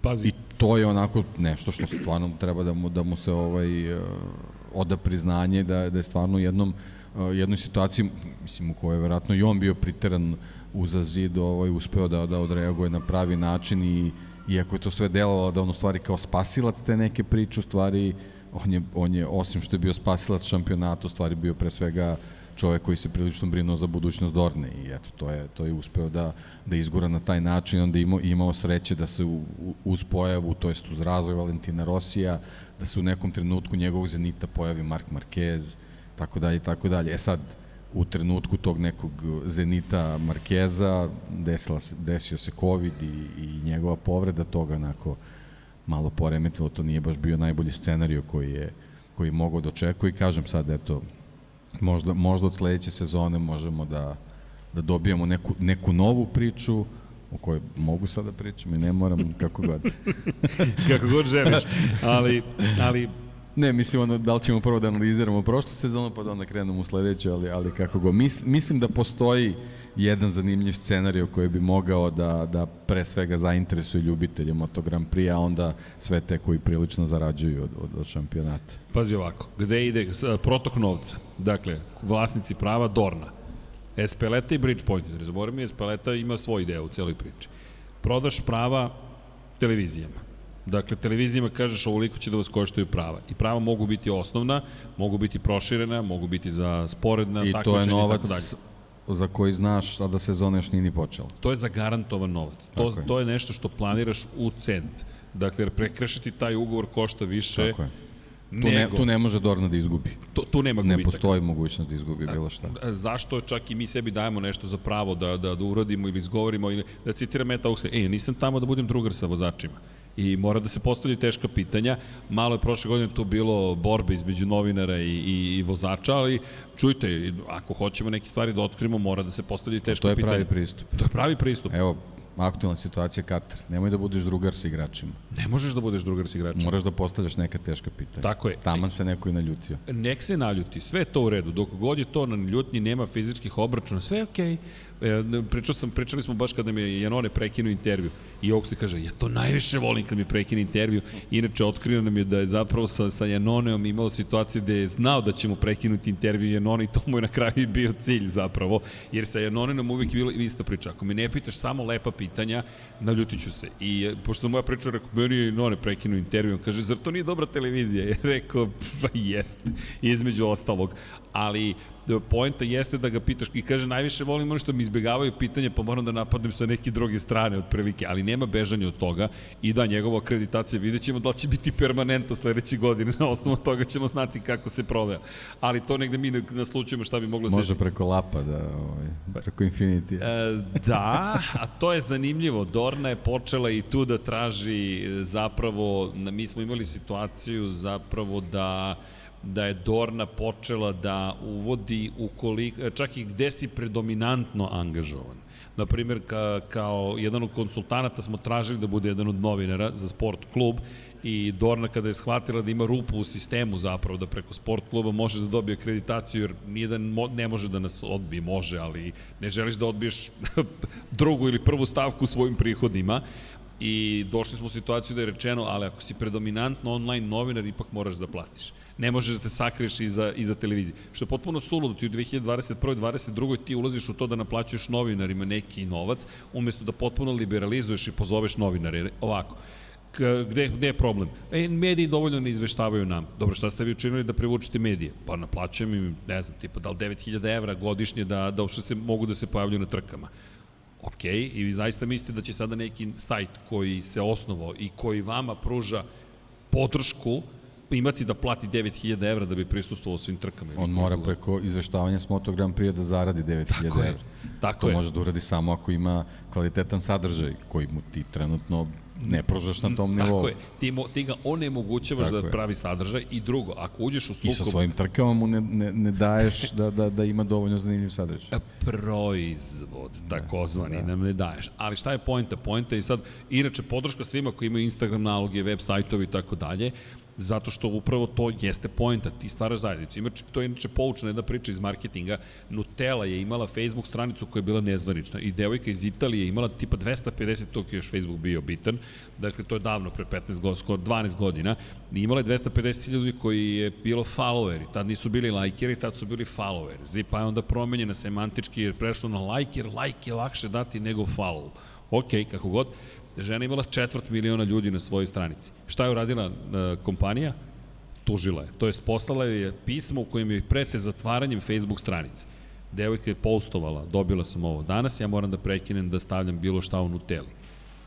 Pa kao! Dakle, toliko jezivih e, stvari upućenih Nutelli, kasnije se Nutella javila i rekla, ej, da li bi ti ipak nastavila da održavaš svoju stranicu? Ona rekla, Mislim da bi to bilo to što se mene tiče. Ona je uložila svoje vreme, svoj novac, sebe dala, robnoj mar marki koja koja se prodaje, dakle, komercijalnom proizvodu, podiže vrednost njihovog brenda, ali ne, ti si zlopotrebila našu komunikaciju. Ok, evo, neću to više da radim. Ogroman gubitak, ok, vremenom to prođe, Nutella je suviše dugo i na tržištu i previše postoji, ali Dorna upravo to čini, onemogućava da se stvori nova generacija ljudi koji prati Moto Grand Prix na jedan drugi način. Između ostalog. I sad, praviš da je neprijatelj od novinara, međutim, skrenuo sam malo s teme, ali to jeste pojenta. Ti ne dozvoljavaš da zapravo postoje. To je Berni radio. Ne znam da li je neko od vas pokušao išta da stavi Formula 1 na društvene mreže pre 6-7 godina. Ni slučajno. Ovako. Bukvalno istog trenutka ste skinuti i ne skinuti, nego to su strajkovi na YouTube-u, to su tužbe, to je bio, Bernie je govorio, neću, dobro veče, neću nikoga, hoću starije ljude od preko 60 godina koji imaju pare, ovi klinci me ne zanimaju. Dobro veče, kako ste? Dobro veče, slobodno svratite, evo malo snimamo za YouTube. Mislim da ne želi da se snimaju za YouTube, ali u svakom slučaju imali smo situaciju da zaista je bilo agresivno, štit, zašt, štićenje same robne marke bilo agresivno. Sada sada gotovo sve dozvoljavaju. Zašto? Zato što raste interesovanje. Nećeš napraviti pare na društvenim mrežama, ali ćeš izgubiti reputacijono. To su to ljudi koji su ti zapravo takozvani shared, da ne kažem earned media. Ti si stekao da neko za tebe promoviše i neko ti radi posao. E sad, dolazimo na profesionalne ljudi koji, moraju, koji ne mogu da plate. Mi plaćamo kao televizija, lako noć želimo svako dobro. I sad, e, mi platimo, broadcasteri, I to i mi smo klijenti zapravo, mi smo redki klijenti Dorne. Dakle, novine e, nisu klijenti, nego su mediji, štampani mediji pogotovo su tu u problemu, online mediji jesu donekle klijenti, ali nisu dovoljno veliki klijenti da mogu da se svađaju. Mi smo dovoljno veliki da možemo čak i da se posvađamo, ali čak niko od nas nije dovoljno velik da baš može da uđe ne znam kakav sukob. Međutim, onda prodaješ prava za igrice, gde su nam igrice, nisu nam ovde, to je ono što, što takođe prodaješ prodaješ prava za, prav, za organizaciju trka svojim stazama i jedan bitan izvor prihoda, države. Države koje su voljne da plate da bi Moto Grand Prix došao i organizovao svoje takmičenje. Ono što mi je zanimljivo posebno, Pirer je rekao da žele da idu u Južnu Ameriku. Zašto? Zato što su trke u Južnoj Americi u prime time-u u Evropi. Za razliku od trka u Aziji, iako su velika tržišta, gde zapravo malo ljudi gleda te trke u direktnom prenosu. Zato što prenosu. mora na pijacu. Tako je, zato što je više hrano. Ili je tri ujutro i sad ko će da ustane? hleb, sir, mleko, povrće, mleko. Moraš da se pa tek onda organizuješ. Pri čemu imaš sada i subotom trke. što će biti ozbiljna borba da dobiješ to vreme. Ali okej. Pa dobro, da, ali on, to, to su neke stvari koje koje teori, teorijski zvuče sasvim Zanimljiv opravdan. Ali, ali poenta je da je u ovoj čitavoj priče, od čitave ove emisije, ti si više puta izgovorio Dorna nego Moto Grand Prix. Da, To mora da se promeni. ali to, to se ne menja uporno. Eto, to je, to je nešto što, što, što je bilo evolutivno i u Formuli 1. Kad je počelo suviše se priča o Bernie Ecclestonu, to je počelo da se uzdrmava. Da, zapravo Sad se najveća... ponovo priča o Formuli 1. Ali, ali je Carmelo onda postigao svoj cilj. On je najveća zvezda Moto Grand Prix Pa odlično. u ovoj međusezoni. praviš izložbu. Carmelo. Imaš neke ideje ka šta bismo mogli da uradimo?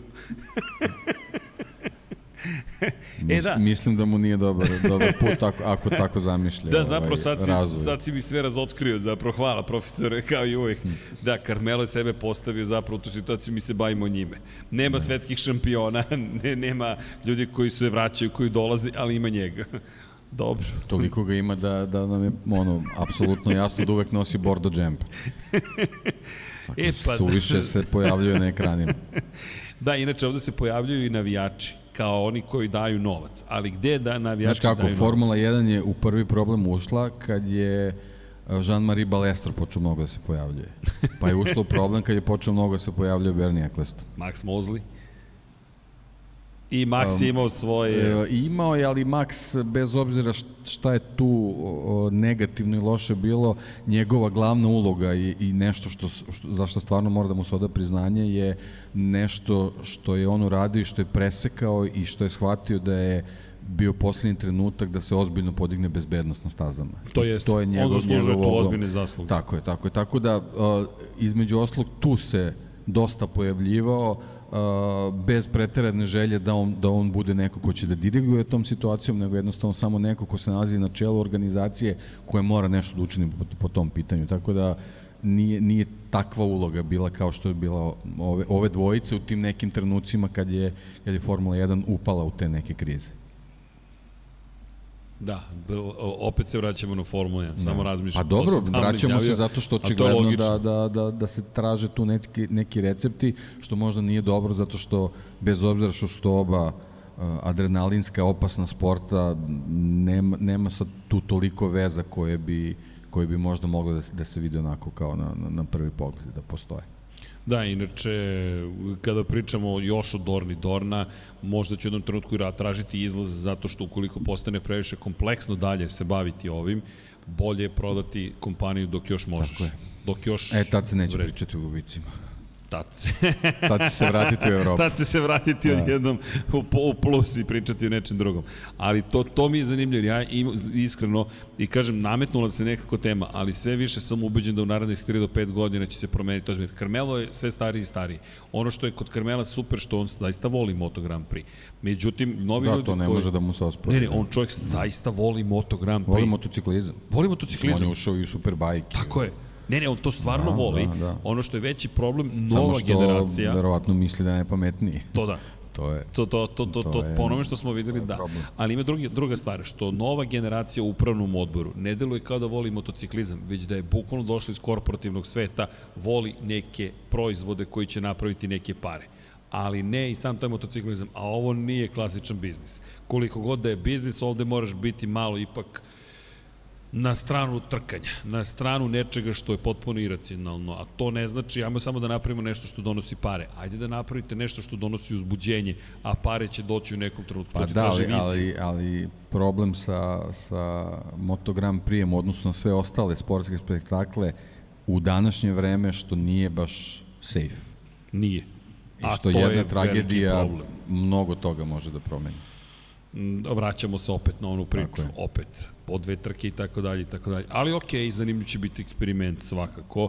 Nego mi je bilo zaista zanimljivo s obzirom na činjenicu da eto kad govorim, ajmo, ajmo, ajmo samo kratko. Meni ne smeta povećanje trka e, kada govorimo o Moto Grand Prix kada je reč o Aziji. Kada vidim publiku na Tajlandu, ja nemam problem sa time, zaista. Meni najveće pitanje publika, hoće li doći publika. Tajland, došla publika. Indonezija, ok, bilo je problematično vreme, ali se ipak pojavila publika, pogotovo na dan trkanja. Japan, standardno nema mnogo publike, nažalost, u Motegiju, malo dođe, malo ne dođe. Generalno glavni problem, mislim, problem, mislim, moramo tako da, da ga nazovemo, i sa Formulom 1 i sa, sa Moto Grand Prix, to su takmičenje prototipova. Dobro. I kao takvo takmičenje tih nekih egzotičnih sprava mora da postoji malo neke ekskluzive. Ti sa velikim brojem trka dovodiš do toga da se to pomalo razvodnjava. I, i to je u stvari uh, umetnost izbalansirati u takvoj situaciji da ti sa tolikim brojem trka uh, držiš uh, tenziju bukvalno tokom čitave godine, jer ti imaš, imaš možda period od nekih mesec, mesec i po dana gde gde, gde ove, to, to ushićenje i uzbuđenje može, možeš da dozvoliš kao organizator da, da splasne, ali bukvalno nekih preostalih deset i po meseci u godini ti ćeš sad morati da, da držiš tu tenziju da bi sve te tvoje sve, sve te brojeve koje si isplanirao mogao, mogao da ostvariš i to je to je u stvari po meni ono što, što, što mi smeta u ovoj čitavoj organizaciji. To, pa, to razvodnjavanje, taj, taj veliki broj trka, ne zbog tih ljudi koji će doći tamo. Oni, oni će sigurno uh, između oslog i, i gledati da se, da se nađu u zemljama gde će određena količina ljudi da, da, da, da dođe na to takmičenje. Bez obzira da li mi to smatramo manjim brojem ili većim ili njima nije bitno u ovoj meri ili onoj, ali generalno će se uvek naći neka količina ljudi koji će doći, doći na, na te trke, pa će se možda verovatno i pojaviti neka staza da će stvarno biti neki bum možda će se pojaviti neka staza gde, gde će vidjeti da jednostavno nema interesovanja. To je sad sve onako ne, ne, neka klackalica, ali generalno ti kad pogledaš koliko ćeš trka imati, a, potpuno je a, razumljivo da u nekoj sezoni koja možda krene nekim nezanimljivim putem, da to tako nazovem, da, se, da, da, da, da može lako da se desi da, da dođe do pada interesovanja. Da, inače, u julu nijedno prema rečima iz paleta niko nije htio da organizuje trku. U julu samo je Kazahstan izrazio želju. Ali što je problem? Ti iz Asena putuješ za Kazahstan. Dve nedelje kasnije si u Kazahstanu, dakle ti moraš da odeš do Kazahstana i onda da se vratiš u Veliku Britaniju. To apsolutno povećava troškove. Dakle, ta, ta velika nagrada mora ozbiljno da se isplati. Ali tu negde gledam da će država zapravo Kazahstana biti ta koja će investirati jer na kraju dana ti tu zapravo promovišeš svoju državu. To sada postoje to pa, generalno, turizam, ta, ta, te zemlje koje onako ovaj, nemaju problem sa, sa ovaj, sredstvima sa sredstvima rudnim, naftnim i ostalim bogatstvima oni oni to sve gledaju kao svoju promociju onda je o, ako, ako na taj način pronalaziš te zemlje, onda nije, to nije ali, taj pravi put. Ali, Deki, da naslanjam se na ovo što si rekao. Ti to je bilo, izvini, meseci... Koreja u Formuli 1. Jeste. Na kraju krajeva i Kina. Pa i Baku 1. je tako ušao u Formulu 1. S tim što Baku polako mu se menja pozicija. Da. trke su postale zanimljive. Zato što je konfiguracija staze dobra. Tako je. I ti od trke u kojoj smo svi sumnjali zapravo, ja sam sumnjao u Baku, otvoreno, bio sam uh, frapiran oblikom staze, na kraju smo dobili trku kad dobiješ, da znaš, kad dobiješ uh, u Formuli 1 Koreju ili Indiju, shvatiš da, da M nema interesovanja fizičkog tamo, M, M konfiguracije staze nisu baš takve koje, koje omogućavaju da, da se ta staza upiše na neki drugi način u kalendar. Da, ali ajmo, doći ću na Indiju, ali samo kratko. Kazahstan je jedini u julu, jedini gde si mogu da organizuješ, a kažeš hoću da održim pa, pažnju, 14. maj, peta trka, 11. jun je šesta trka. 11. juna ti organizuješ tek, te četiri nedelje kasnije. Dakle, sezona se zalaufala. Ajmo ovako, Kako je izgledalo posle pet trka ove godine? Izgledalo je dosta uzbudljivo. Dakle, posle velike nagrade Francuske, mi smo imali situaciju u kojoj Bastianini ima dve pobede, u kojoj je budući šampion sveta Peko Banjaja pao, u kojoj je Fabio Quartararo zabeležio pobedu, ali nije da odjednom dominira šampionatom, u kojoj Suzuki i Rins, iako Suzuki izlazi, imaju neku priliku i priča se pa možda šokiraju u ovoj sezoni, jer ako pogledamo, imali smo Katar, ok, Katar sledeće godine neće otvoriti sezonu. Pobeđuje Bastianini. Imali smo Argentinu u kojoj je Aprilia slavila, dakle imamo potpuni šok zapravo kada govorimo o tome šta se desilo. I odlazimo u Ameriku, Marquez ne pobeđuje, dakle mislim da to bio veći šok nego bilo šta drugo, ali imaju problem s motociklom. To ti se sve dešava na početku godine. Zatim u Herezu ti pobeđuje zapravo Fabio Quartararo, u Portugalu takođe imamo Fabio, jel Fabio ne, Fabio u Portugalu pobedio i, i u Herezu je pobedio, da, ili jeste Fabio pobedio, čekaj Au, Nemoj mene sad da Nemoj mene da vraćaš to, u da. to. Ljudi, pomoć prijatelja. Ne, u Herezu je Banjaje Banjaje, pobedio. ne, nije, Banjaje. Miller je pobedio. Ne, to je bilo prošle Ne, godine, se. Banjaje- Banjaje je pobedio, Banjaje, tako je. Banjaje. Tako je, dakle imamo Banjajinu pobedu. Dakle imao si ovako, pobedu Bastianinija, pobedu Espargara, pobedu Kvartarara, pobedu Banjaje, koga smo još imali da je pobedio u celoj priči? U Americi je slavio Bastianini. Bastianini. Tre, tri pobede Bastianini imao u, u prvih šest trka sezone praktično. Je li tako? Sedam. Pa Le Zato što je sedma bila Mans, uz Katar. Amerika i Katar. Razumeš? I ti imaš takav šampionat i u tom, tom trenutku ti kažeš, e sad stani četiri nedelje. Vidimo se za četiri nedelje. S tim što ćeš u ovom trenutku imati 12 trka. Do te Uh, u, pauze. da. U, tek, tek može da bude zakomplikovana situacija u kalendaru. čekaj, čekaj, moram da pogledam. Nekog sam zaboravio. Ko je? Neko mi je pobegao u ovim pobednicima. E, jao, kako ko? Oliveira u Indoneziji, tako je, hvala. kišici, Jer in po da. kišici, znam da mi neko nedostaje, čekaj, da. Dakle, ajde da nađemo spisak, tek, tek, tek, tek. Enea Bastianini prvi pobednik, Miguel Oliveira drugi pobednik, Aleš Espargaro treći pobednik, e, ponovo Bastianini, pa Kvartararo, pa Banjaja. U šest trka imamo pet različitih pobednika, ne možeš lepše od toga da tražiš. Pri čemu Ducati, KTM, Aprilia, Ducati, Yamaha, Ducati. Dakle, miksamo sve. I onda dođemo u, u Le Mans, Bastianini tu ponovo pobedio, dakle, pazi ti sad, Bastianini ima tri, Bastianini ima tri pobede u sedam trka, tek me sad boli mozak, dakle, šta je on mogao da uradi, ali dobro. I mi u tom momentu kažemo, e, sad pauza. I onda ćemo da napunimo Muđelo, koji će biti 11. juna, jer četiri nedelje nema nikoga. Me, imaš mesec dana pauze i onda kažeš niko neće u julu. A, i dalje mislim da sve ovo, biće ozbiljni eksperiment naredne godine u celoj ovoj priči. Ali okej. Okay. E da, inače zaboravim jednu bitnu stvar. Gde Dorna troši pare? Dorna troši pare na to što daje timovima zapravo novac, subvencioniše njihova putovanja da bi oni uopšte mogli da funkcionišu, pogotovo manji timovi koji ne mogu da prežive. Ima još jedna bitna stvar u celoj priči, e, a to je nagrade. Mi zaboravljamo da zašto, na primjer, to ono što je Jack Miller pričao, više para dobijem ako odem postolje. Ne dobije samo od ekipe, dobije od organizatora zato što je podigao pehar. Tako da svaki pehar je i dodatni novac, jer ti imaš zapravo nagradni fond za ljude koji uspe. To moram da saznam koliko je trenutno nagradni fond za prvu, drugu, treću poziciju. To, to moram da vidim, koliko zapravo vredi svaka pobeda. To je neka javna tajna, iskopat ćemo negde podatke, pa ćemo nezvanično da pričamo o tome, ali da ti dobiješ novac. Bonus od ekipe ili od, od organizatora trka? O bonusu od ekipe zavisi od ugovora, ali od organizator trka zagarantovano ti daje novac. E sad, ovo sa od ekipe šta se dobije, ne znam, nije ko Kimi, pa svaki poen ko u Lotusu kad je bankrotirao Lotus, svaki poen vredi. Da, dobro, to zavisi od ugovora, da. Da, ne, Kimi je tad baš uzeo mnogo para. Je li tako? Koliko je bio poen? Tipa 100.000 dolara, tako nešto. Mislim da i više. To, nisam siguran koliko je. Koliko? 50.000 dolara je bio poen. Pa to onda nije ništa. Da li on je mnogo skupio, deki. Te godine, da. tipa 17 miliona su mu dugovo. Da, nešto, da, da, zato što je drugačiji sistem bodovanja, zato što to je bilo, to je, to je, to je najveći kiks u životu Flavija Briatora za 90. i 91. Zašto? Pošto pa Pique je naterao da vozi za njega zato što je 90. mu je davao 50.000 dolara po, po bodu, on u poslednje dve trke sezone pobedi.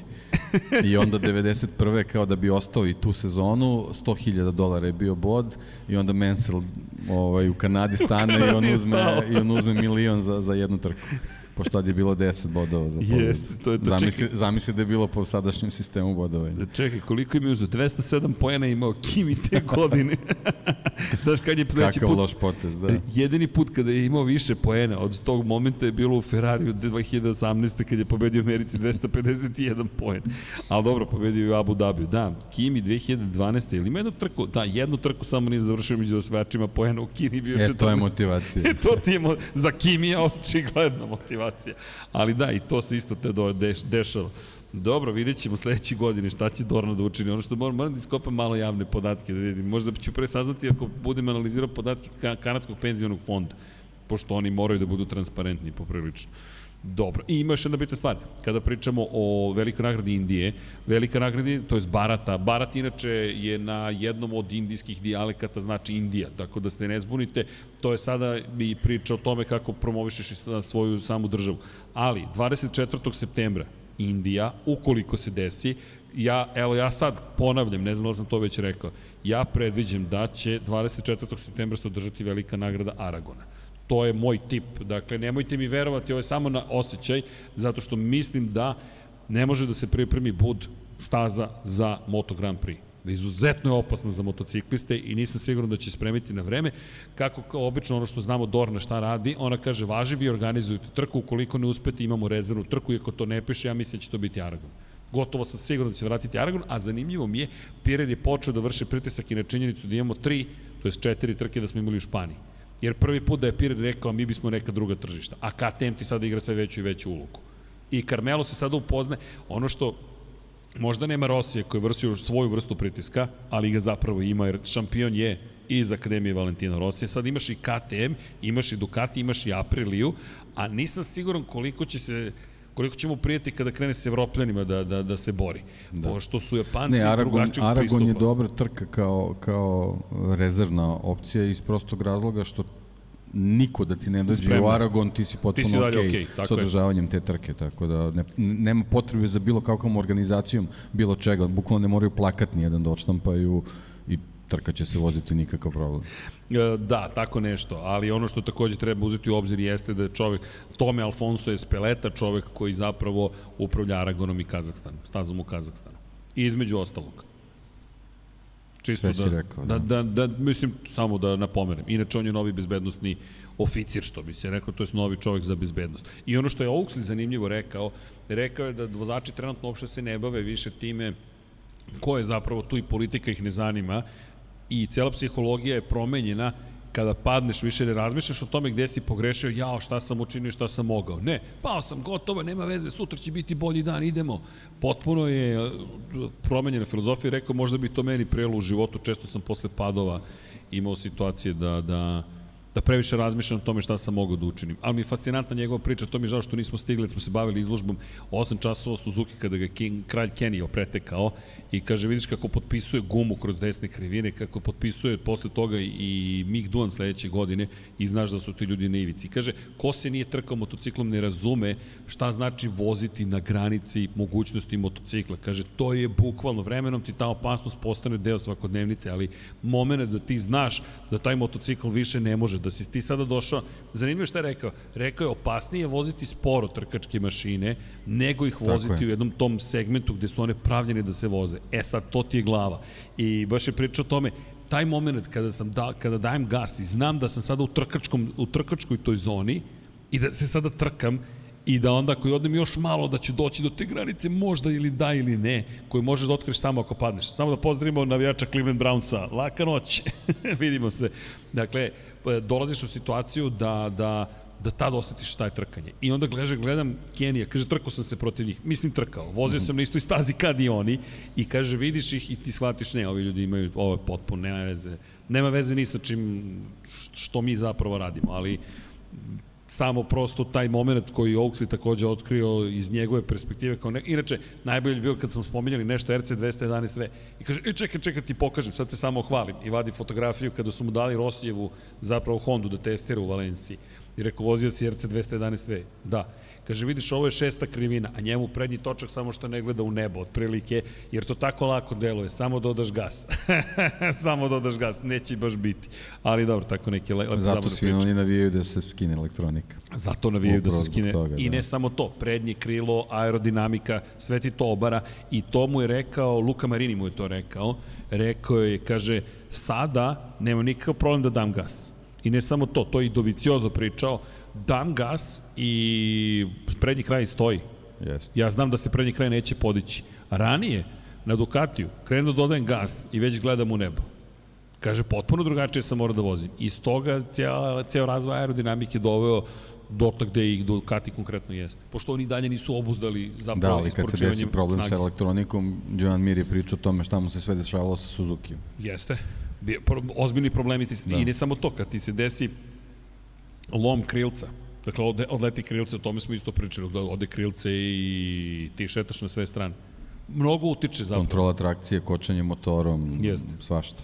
Inače, 24. septembra Indija, pa 1. oktobra Japan, pa 15. oktobra idemo u Indoneziju, 22. oktobar je Australija, pazi sad ovo, 15. 22. 29. oktobar, Indonezija, Australija, Tajland, bum, bum, bum, i onda, pazi sad ovo, 12. novembar Malezija, 19. novembar Katar, 26. novembar Valencija. Bum, bum, bum, tri vikenda za redom. Ti si u Katru i onda letiš za Valenciju. Dakle, iz Australije na, u bliski, na bliski istok pa u Valenciju. I praktično u decembru vodiš posle, voziš poslednju trku. Show me the money. Ajde da vidimo da li će se isplatiti sve ovo što su isplanirali. Držim im palčeve svakako. Ja ti ispriča opet o sledećoj sezoni, a, a nisi još ni ovu prošlo završio. Čekaj, deki, zamisli šta nas tek čeka sledeće nedelje. Da, ali dobro. Da, mogli bismo malo da, za, da zabiberimo na sledeću epizodu. Imam neke ideje kako da dodamo začine. Znam da imaš ideje. I to ideje uvek. Ne, ne danas, kaže, to je momak sa FPN me pita, odakle, kako to sa idejama? Ja kažem, ne, to ne mogu da ti objasnim odakle. Sa previše ljudi pričam sa interesovanjem, pa onda čujemo Dekija nešto i znaš i sad kad progovoriš, Avaj, da preka, da prekasno je. Ne, da ali ajmo da iskoristimo što je publika ovde. Nadam se da vidim da je hladno Ali dobro, mama se drži večeras bolje. Ljudi, imate vi neka pitanja? Družimo se, ej, nova godina se bliži, nemamo mi mnogo toga. Pozdrav za kolegu Ivana iz Kafografa, evo ga, još jedan ljubitelj Moto Grand Prix-a. Ivane, sledeće godine mu djelo, je li tako? Nego spremno. Ili ima neko pitanjice? Nema niko ni jedno pitanje. Kako, kako? Zašto Brazil specijal? Majica? Nemam neki razlog, moram da priznam. Nije, evo ne igramo protiv Brazila, sad stvarno. Prošli put je bilo igra se protiv Brazila, nemam pojma, ljudi. Ne, podrška ne, za Pele. Podrška za Pele, a, eto, podrška za Pele. Nisam, nisam ovaj, Moram pristati, nisam ni razmišljao o majici, meni to, ne, zapravo, postalo, najlakše mi da se obučem. Ali super se slaže, kad te gledam kroz le, reflektor, kao ti izblajha kosa i slažete se uz majicu e, ali e, ljudi, jedini problem je što ja se sad tamo oblačim samo u ove, samo u ovoj majici. Jedino što nedeljom sada nosim i 99 yardi. Kao Bruce Willis izgledaš tako. Kao Bruce Willis. ali ne Deki, samo iz ovog ugla. Šta ti treba? Ali dobro, to ću, shvatit ću to kao kompliment. Nemam neki razlog, stvarno, nisam ni razmišljao. Možda da, da obučem Rossi specijal, pa, pa pričamo o tome, izložba je, kupite majicu i slično.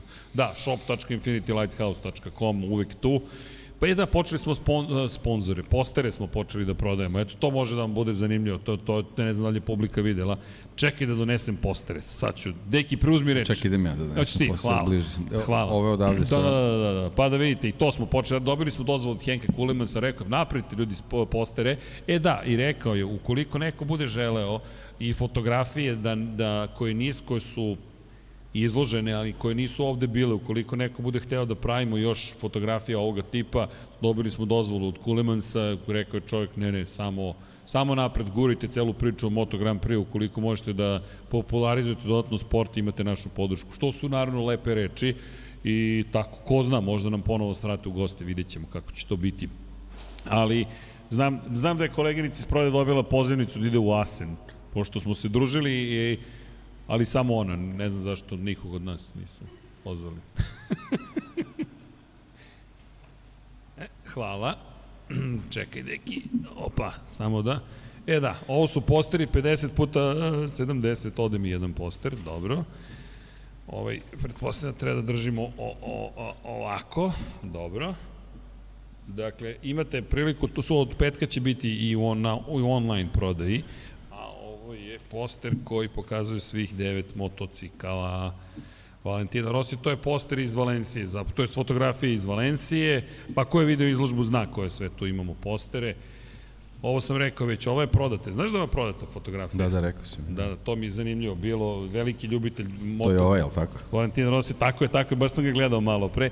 Inače, kako da prepoznate uh, ovaj motocikl, čekaj sad, ne sam, da, ne sam da oštetim ništa od ovoga stani, ali smo izabrali papir koji se teško oštećuje, to je koji može da se i dalje savije i ostane funkcionalno. Možeš samo da skloniš taj kačkit ispod, molim te. E, zašto je sad zanimljiva ova fotografija? Između ostalog, ovo je poslednji motocikl Ducatijev koji nije imao ram. To je onaj čuveni koji je korišćen 2009. 10. i 11. I to je preteča Panigale, ali brate pažnju još jednu stvar. Opa, na njemu postoji zapravo krilce. 2009. godine. sad ću da je podignem. I vidite krilo. Crnom bojom.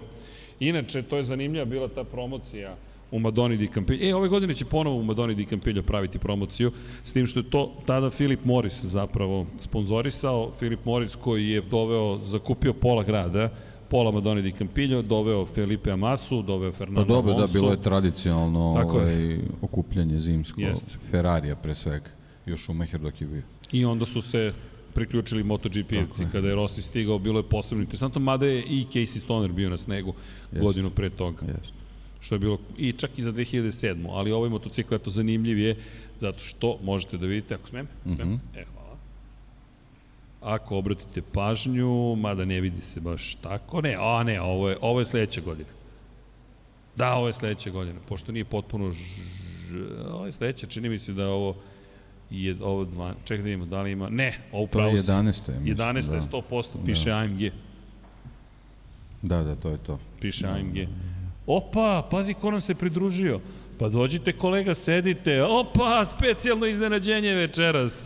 Vanja, morat ćemo promenimo kamere. Pa ko je to stigao? Poštovanje gospodine, dobro mi majice, da, e, smršali gospodin Đankić, nema, ne, ne, vi, nećete vi tamo, da ovamo, ovamo kolega. Ovamo, ovamo, ajmo, publika, hoćemo jedan aplauz za gospodina Đankića, pa molim vas, Kelsa Priz, rekao mi je, možda ću doći večeras. Šokiran sam.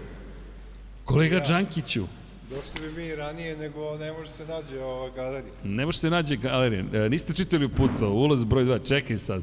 Sad ćemo da vidimo, sad ja ćemo da nikad ne smislimo. ulazim na drugi ulaz. Sad si Vanja zaboleo, ljud, pu- publika, ostajete bez svog kadra, ne zamerite, ali moramo da usmerimo na kog gospodina Ne, Đankića. ne morate uopšte. Naravno da ne moramo, ali želimo. Dobro veče.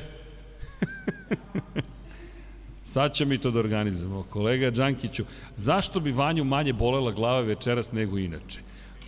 Za, za, za, Uh, maše kolega Đankić, ali ovo, ovo je iznenađenje, ljudi nije, nije planirano zaista, dakle, bio je, bio je samo dogovor, možda se vidimo. Kolega, vi ste mi dodatno smršali ili se meni čini? Na nervnoj Ne, ne, molim vas, pa vi znate s mikrofonom. Na Pa. nervnoj bazi, da. Na, na nervnoj nedostaje vam Ne čujem, ja- Moto Grand ne čujem ništa.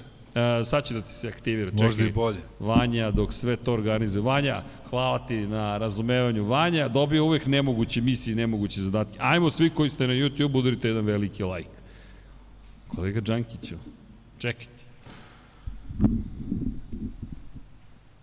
Mi vas čujemo, Deki ja vas čujemo. Odlično, da. I to izvrsno vas čujemo. Pa gde ste kolega?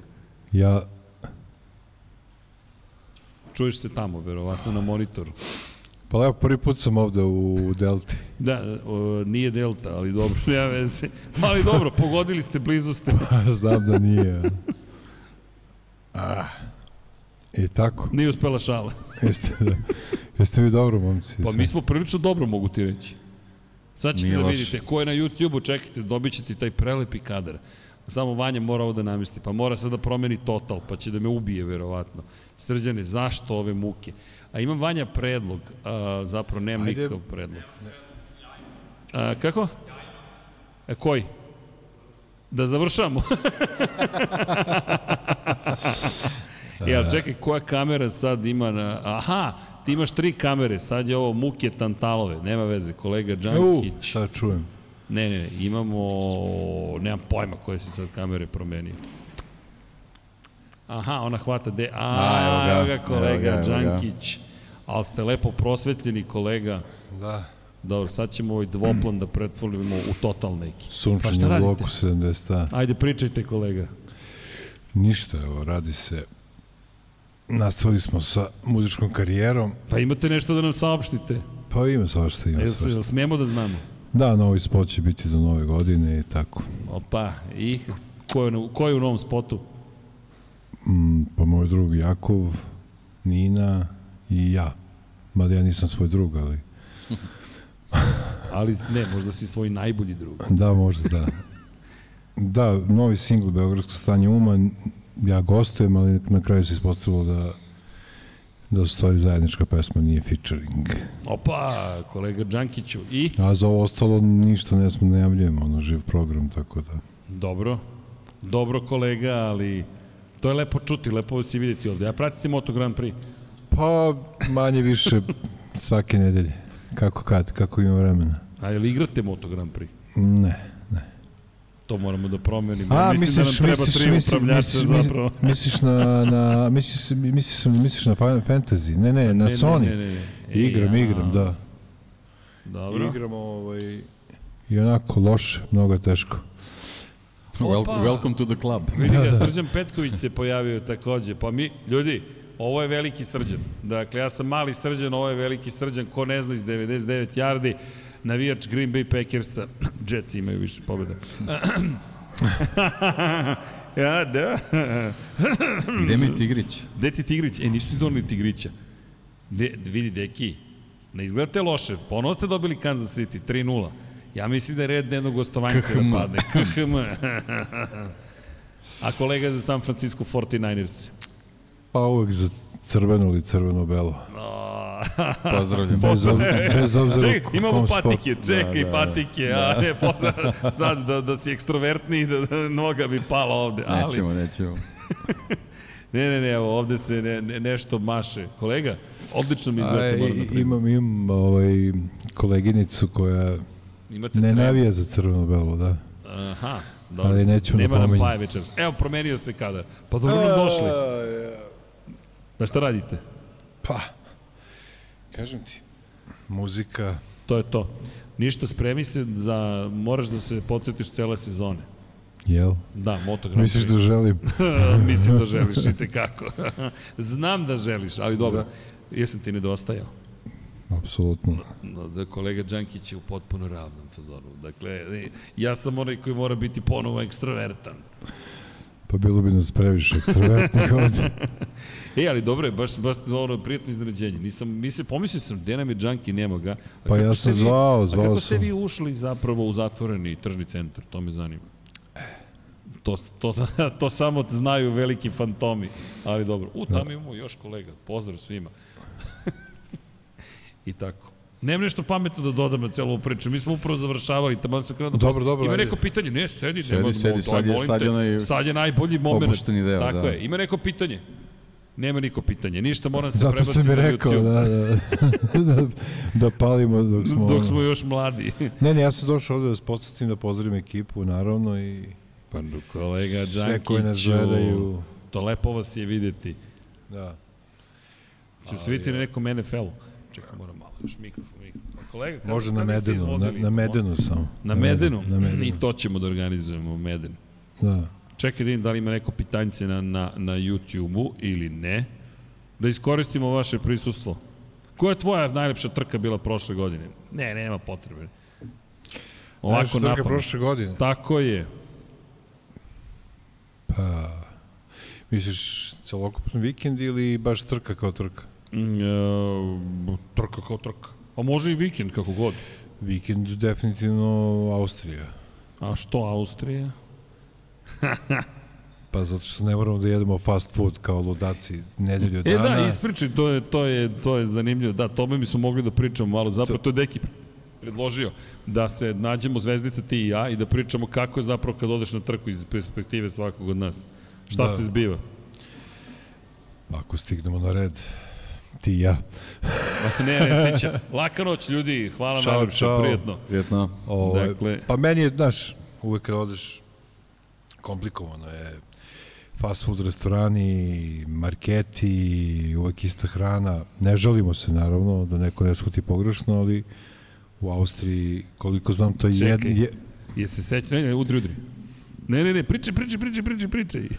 ne, a, šalim se. Ovaj, e, jedna od redkih staza, mislim da samo dve postoje, ali tako? Dobro?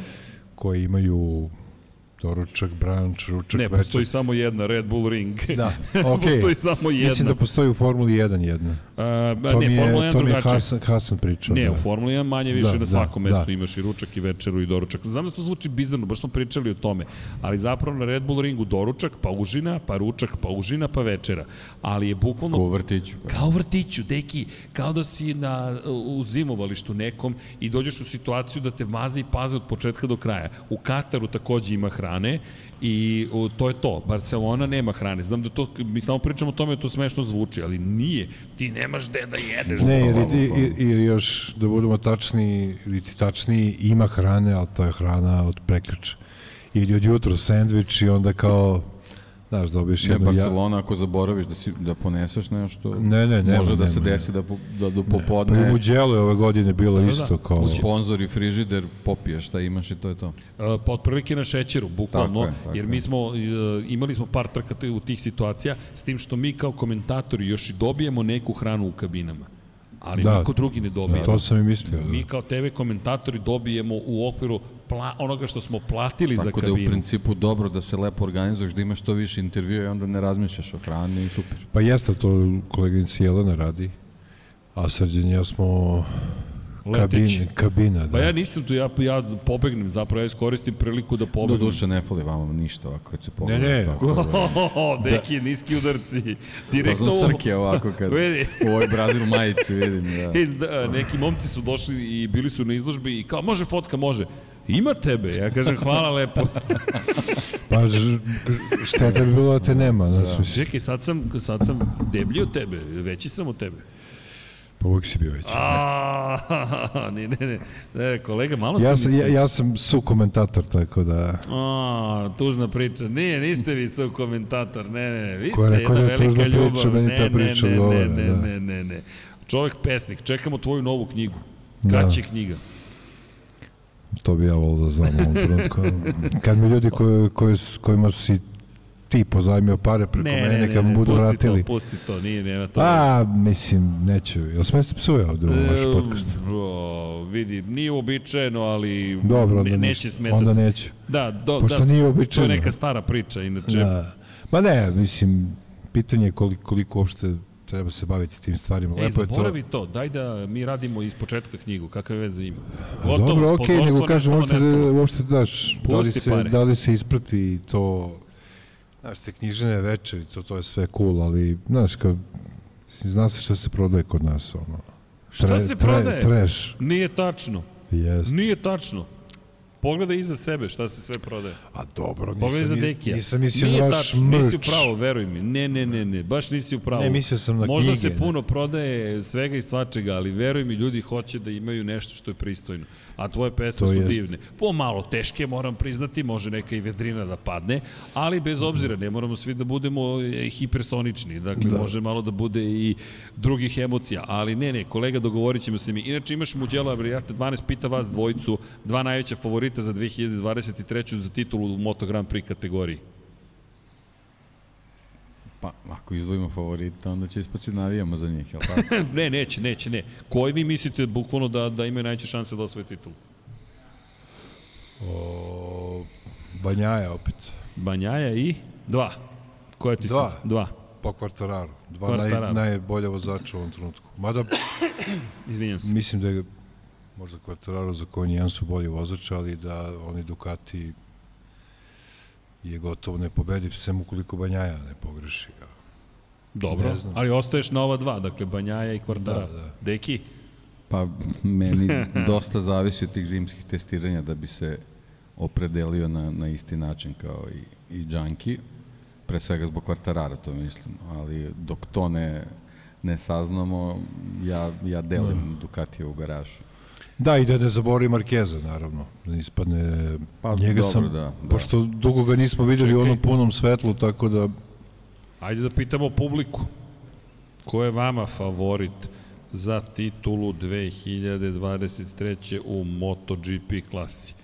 Evo ovako, idemo od branioca titule. Banjaja, pa Kvartararo, pa stavit ću Bastianini, zato što čovjek ima najviše pobjeda, ili neko, č- ne, ne, najviše pobjeda, ima dosta pobjeda ove godine, neko četvrti. Ask your community. Kaže, Deki, već se javljaju, kaže, Deki će za Beštiju. E, Vidiš, majica je to. I, a, reci što smo Pa znam, ma, znam da si namerno nisam ja, perfidno to stavio. nisam ja to, uh, Ali nemam ti grići. Eno ga tamo, glavni čovek. Da, e da, apropo toga, e vi igrate San Francisco 49ers igraju sa Tampa Bay Buccaneersima. To je sledeće kolo, to će biti zanimljivo. Um, Moji Jetsi, To je- uh, bitka. to je stari derbi.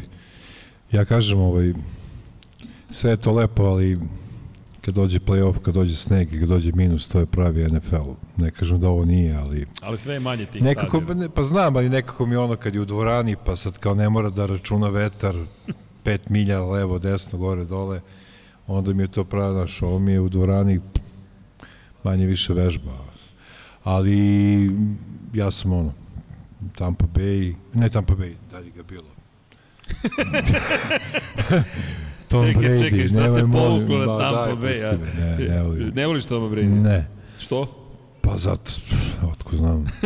Ne mrzim ga, ne mrzim ga, samo, ne, ne, ne, ne, ne mrzim ga, nego ga A ne ne volim. došao u 49ers-e? Došao u 49ers, pa vjerojatno bi razmislio o tome. A, zanimljivo. Ali gledao sam, gledao sam u Bostonu. On je, mislim da je više od Boga tamo. Dobio je pitanje od jednog uh, vodećeg komičara u Americi, jedan od vodećih komičara trenutno u Americi, kad bi on, trebalo da uhapsite Toma Brady na ulici, pošto su išli patrolnim kolima po ulicama Bostona, pa šta bi se desilo, pa ništa ne bi ga up- uhapsili sve u redu. Pa dobro, mnogo toga jeste fakat e, doneo, blago rečeno, blago rečeno patriota. Blago rečeno, baš, dve decenije skoro. Pa dobro, ali ajmo ovako. U San Francisco 49ers, on je hteo da igra za vas, je li tako? E, ali otišli smo na pogrešnu temu. Ajmo da se vratimo na, Da, na, na staze. da. Dakle, na stazi, inače, moram da prispričam anegdotu, kada se Mizanu pričao o sarmama, znam da je bilo, da si spomenuo, gde je sarma, nedostaje mi mamina sarma, zato što je hrana bila, ne, u Mizanu je bila loša hrana, ako se dobro sećam. Užas. Ili tako nešto. Pa ono što ti kažeš, ne žalimo se narodu, nego donesti neki lunch paket, nije paketa ni lanča. Jeste, ali ne da se sećaš, dobili smo i poziv. Ukoliko vas dvojica ne prestanete pričati o sarmama, slobodno ugasite mikrofon i napustite istog trenutka komentator. Iz Beograda je bio neki poziv, jeste, da. Jeste, poziv Long je bio long distance, da. Reci onoj dvojici, ukoliko ne prestanu da pričaju o sarmama ovog trenutka, da mogu slobodno da napuste Ćuti, ja, ja, komentatorsku ja, kabinu. ja sam mogao još gore da prođem kad sam rekao u teniskom meču, Šta si rekao? znaš ono teniski meč i Harry serviraj mi, znaš. Ovaj, ja kažem, moj dečko ima kahones. I, Pa dobro. i direktor sport kluba koji kaže, nisam možda provalio i posle kao gledam, googlam i teo sam ti izbacim odmah iz studija, ali Ali, avaj, provuklo se. E, ali ozbiljno te pitan sad, evo, de, e, jel ti, ti ostalo, kažem. jel ti ospao Red Bull Ring kao u, najb, u najboljem sećanju? Pa da, zato što je bila, bio tu, bila je ono, ekipa, kao i uvek, bio Hasan, s njim sam dosta vremena provao, pošto ste vi imali mnogo više posla, kao što i uvek imate, iskreno rečeno. Ovaj, I onda smo tu pričali razne priče i kaže ono, prvo staza ko staza, to je ono kao i najbitnije, je fenomenalna. Mada moram reći da mi je Valencija jedna od omiljenih staza, je da ono, bi volao da se neke stvari tamo promene, ali je dobro što je strašno pregledna i što je baš staza za fanove. Tako ja to gledam. Kako Pa smo, jeste, kako smo rekli, tako. e, mini park za fanove i kolos... Ne, nešto smo odvalili. E, ti si rekao, ne, nismo odvalili, ti si rekao da je karting za Moto Grand Prix. Karting za Moto Grand Prix. Inače, kaže Dragan Matić, kaže, mi obični smrtnici kad odemo na trku nosimo samo, samo sendviče. E, pa i mi nosimo sendviče, to je sada... Kad se- to je sada... Ne, zapravo, znate šta mi nosimo? Mi nosimo one kupovne salate. U supermarketu se opremimo salatama i to je to. I ne želimo se zaista, što kaže Deki, potkovani smo mi, imamo mi prostora, nego je više komentar bio na osnovu naših neiskustava, kada prvi put smo mislili, po lako ćemo da kupimo hranu na stazi. Da, da. Baš i ne. Ele, Hoće. Master ima pita kako komentarišete što imate 47 trkačkih vikenda MotoGP i Formula 1 sledeće sezone, a u godini imamo 53 nedelje. Imamo svi, ne, D, d, pa da.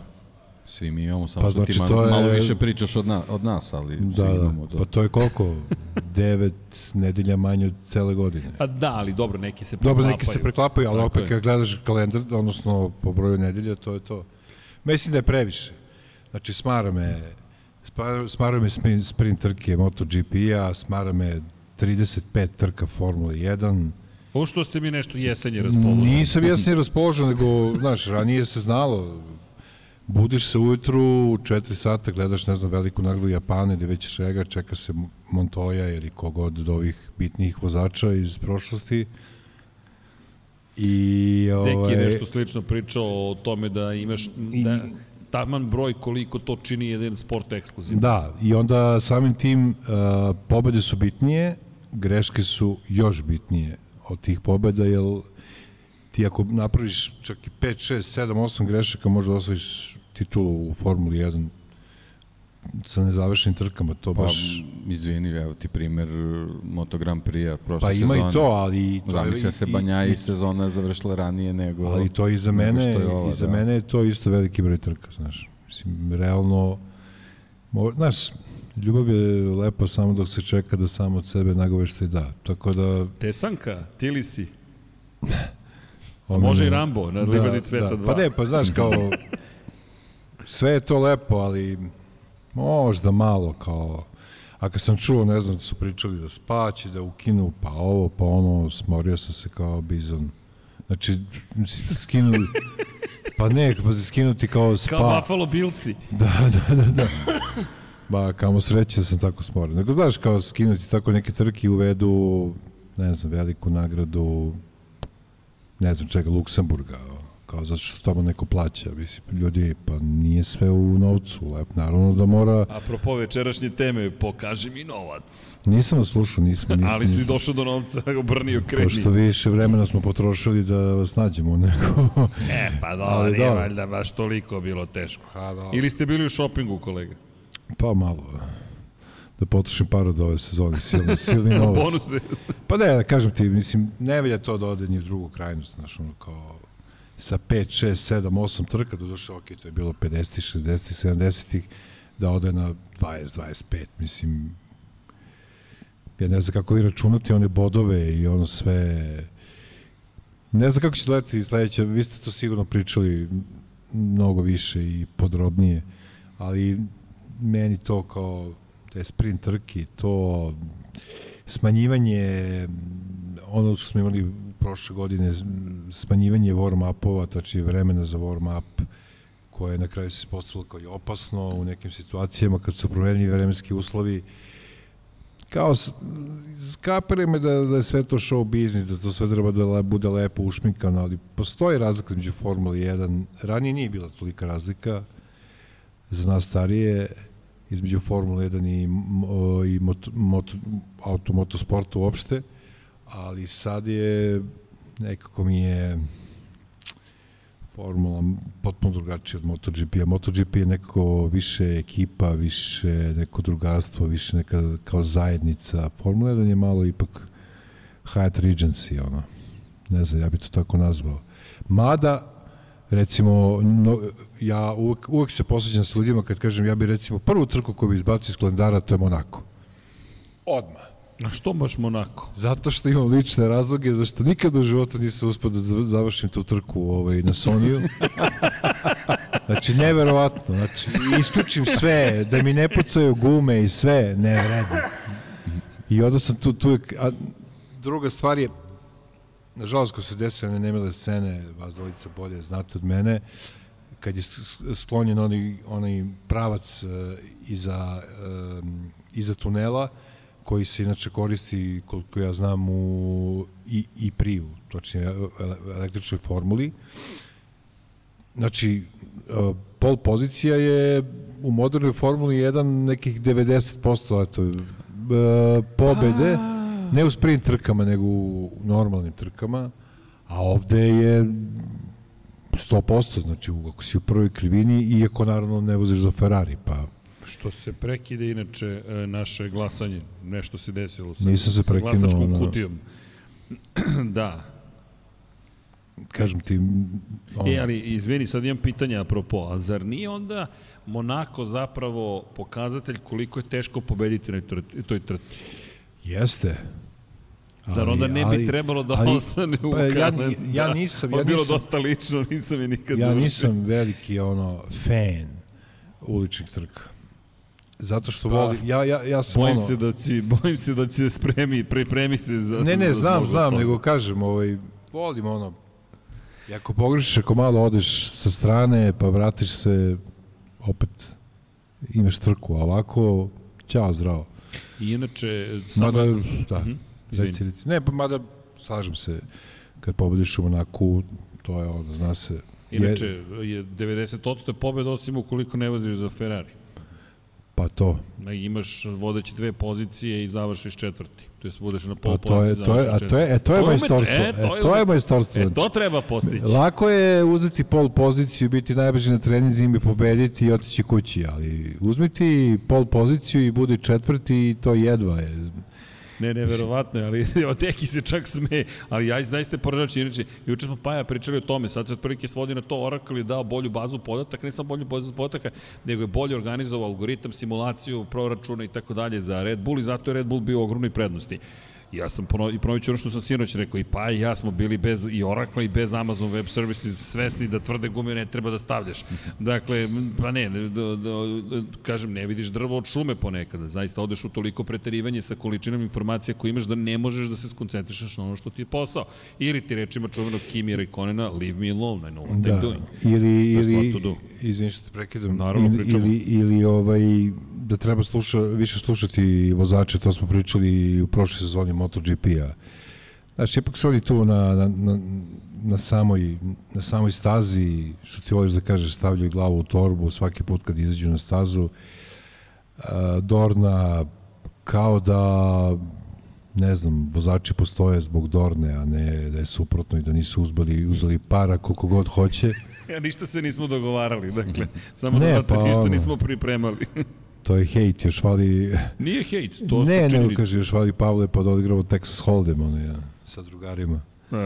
Da, da, da, ali te šta si rekao Deki, otprilike ako dođe još i Čak, to je još neko ima, svi ćete se slagati kad ne reču. Da. Pa ne, zato što, je, zato što je to, mislim, naravno da postoje ljudi i da je to cela, ceo konglomerat, da je to cela mašinerija, ali pite malo i vozača, znaš, ono kao, evo konkretno tu Formulu 1 za gume, ja mislim da, da soba vozača Ferrarija, ja ne znam, nisam gledao trku, ali da soba vozača Ferrarija znala šta treba da se stavi na njihov bolid. Pa dobro, to je bila priča, da, zapravo, ali tu moraš, što kaže da veruješ svojoj ekipi. Inače, apropo tvog komentara za, za Monaku, dosta pitanja, na primjer, apropo toga kako su u Monaku zapravo menjali brzine. E, inače, oko 3000 puta su tokom trke u Monaku u 80-ih menjali e, stepeni prenosa, sada ih menjaju skoro 5000 puta, ali nema ručnog menjača, sekvencijalni su tada koristili, imate ču- čuvene scene kada da. Ayrton Senna gura napred, To je- nazad, napred, nazad Mislim da i to je istorija čak Formule 1. levom rukom menja brzinu u nekim krivinama. Dakle, pošto je u krivini u levo i na izlazu treba da promeni i pošto je ruke Nema- su skroz na levo, da ne bi puštao je desnom rukom menja, onda bukvalno samo udari levom rukom. Pogotovo u onoj, u onoj prvoj krivini ukusnici posle tunela. Da, inače, Berger je b- često govorio da su mu krvave ruke posle Monaka.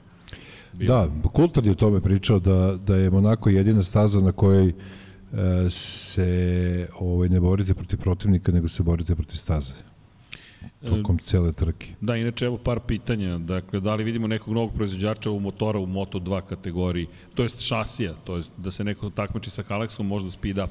Pa speed up, to jest sada Bolsko skuro će svakako ostati tu. Vidjet ćemo, MV Agusta je sada većinski u vlasništvu KTM-a i to je zanimljiv moment za MV Agustu da vidimo da li će MV Agustu da ubace zapravo u Moto Grand Prix, poput Gas Gasa, pa verovatno ih uskvarne vidjet A mi smo pričali Ovaj, ne znam da li Deki zna, pa da, Deki prati prenose, naravno. Deki sve zna. I, i znaki, da, Deki, I da nije pratio prenose, Deki sve zna. Da, i to je tačno. Ovaj, je, toliko izbora proizvođača guma, to je takođe nonsens. Mislim, zašto ti forsiraš da samo jedan snabdevač e, donosi gume za, ce, za sve ekipe na gridu, Opet mislim na. MotoGP. Novac, novac. Razumem, novac. ali opet, koliko puta smo imali vozača koji nisu mogli da se priviknu na nove gume i gubili su titule zbog toga. Zašto on ne može da stavi svoje gume kod tebe? Dobro, okej. Okay. Nije to isto kao kad kreneš tošenim bunarom, pa sad si samo odlučiš u ko ćeš Pa dobro, ali ali, to jeste, e, to jeste pitanje e, kada je reč o, o zapravo proizvođačima. Ja verujem da bi proizvođači rado ušli u tu bitku. Bridgestone kada je ušao u borbu protiv Michelina. A, Znaš, Znaš, Zovem Srćan, izvini. Ne, ne, ali- ti si u pravu, to ne, ne, ne, hoću da samo, kažem. Samo, uh, možda nisam se dobro izrazio. Uh, ne mislim da se uđe u bitku, pa sad kao rade performanse, ono Ne, ne, o je čemu vi da volite da, u pričate. borbu, Ne, ne, okej, neminovno. ali može neka ekipa da izabere Dunlop, recimo, i da pogreši.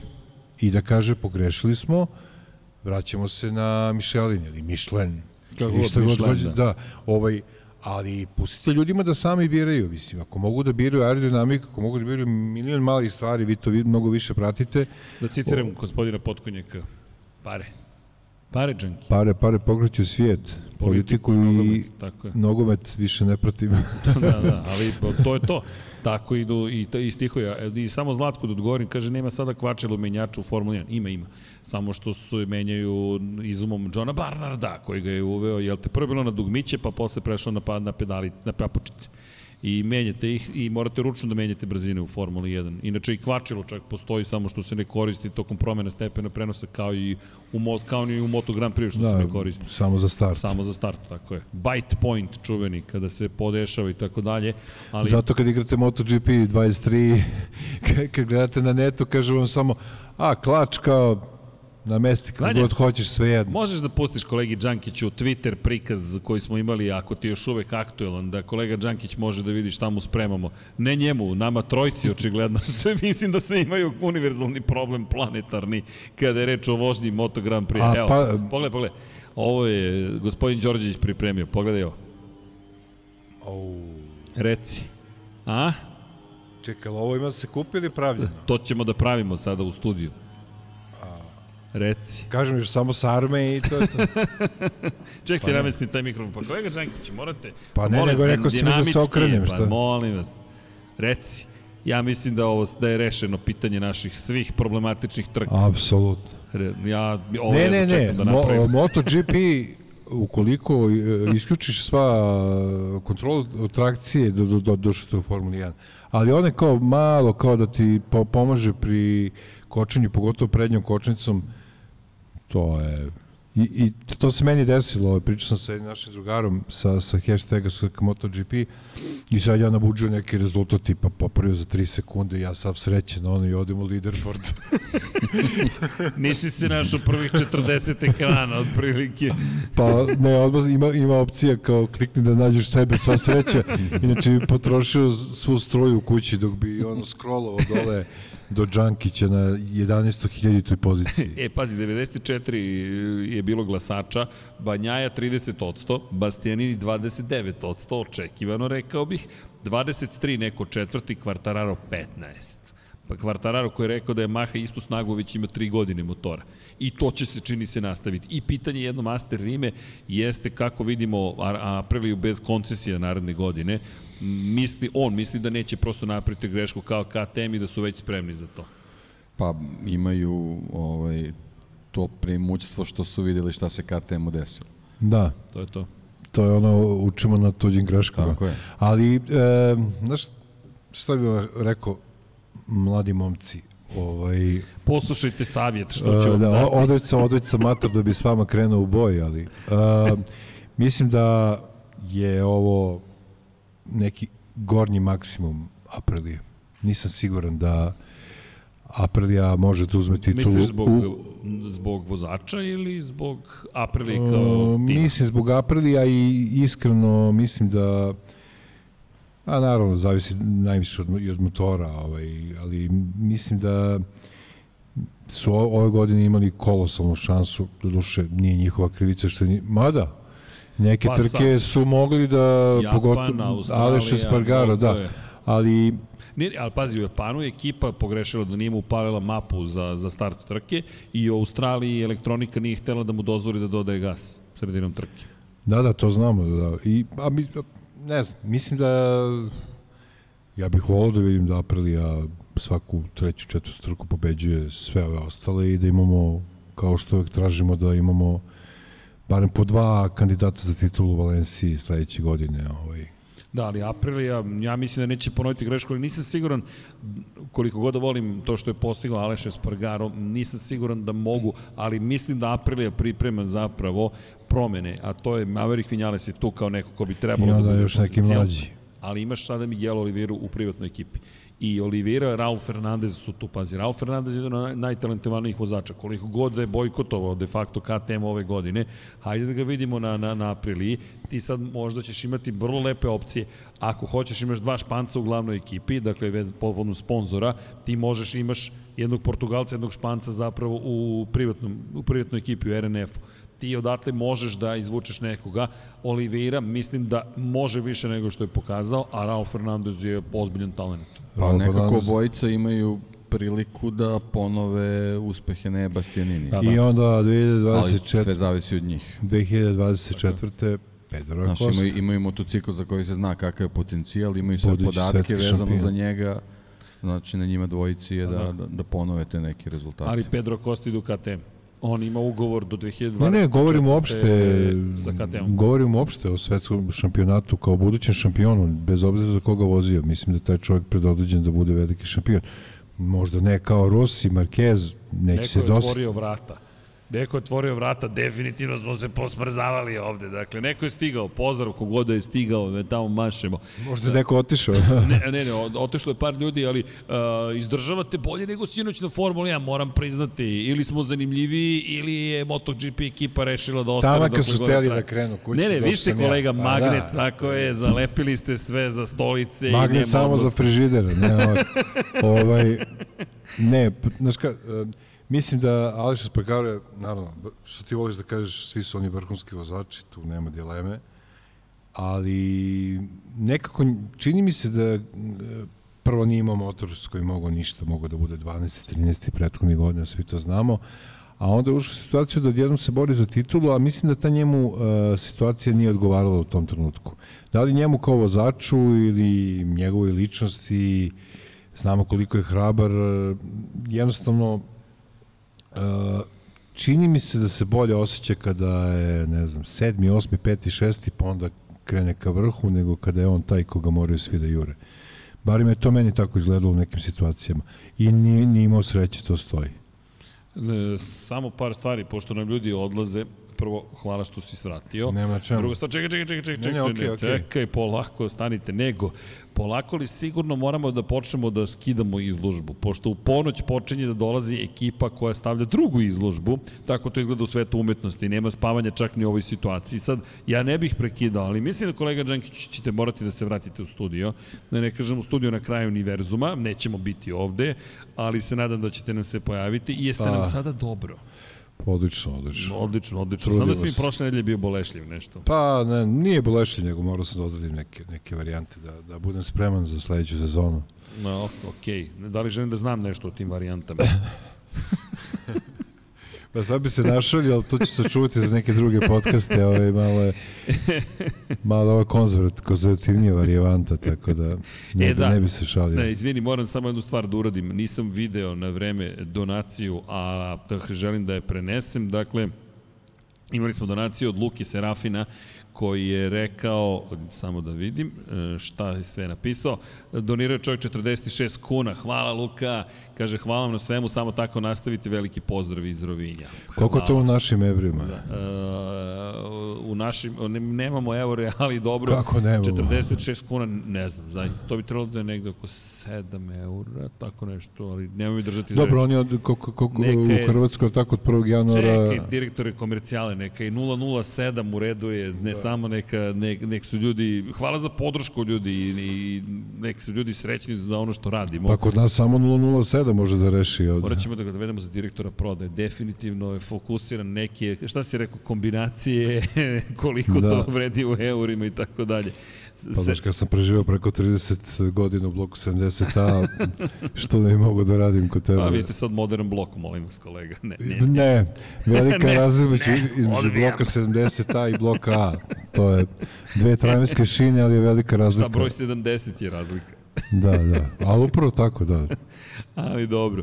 Uh, Džanki, hvala ti. Nema, Nema mrdanja, dok ne završimo sad još tu i onda, taman si došao malo i da pomogneš oko nošenja, da ti kažem, treba nam intelektualna snaga. A ja stvarno... Žuriš negde. Da. ali dobro. Ljudi, ej, mnogo hvala. I sad ćemo, sad narednih 7 i po minuta sedite sa mnom i gledate kako čitam imena ljudi.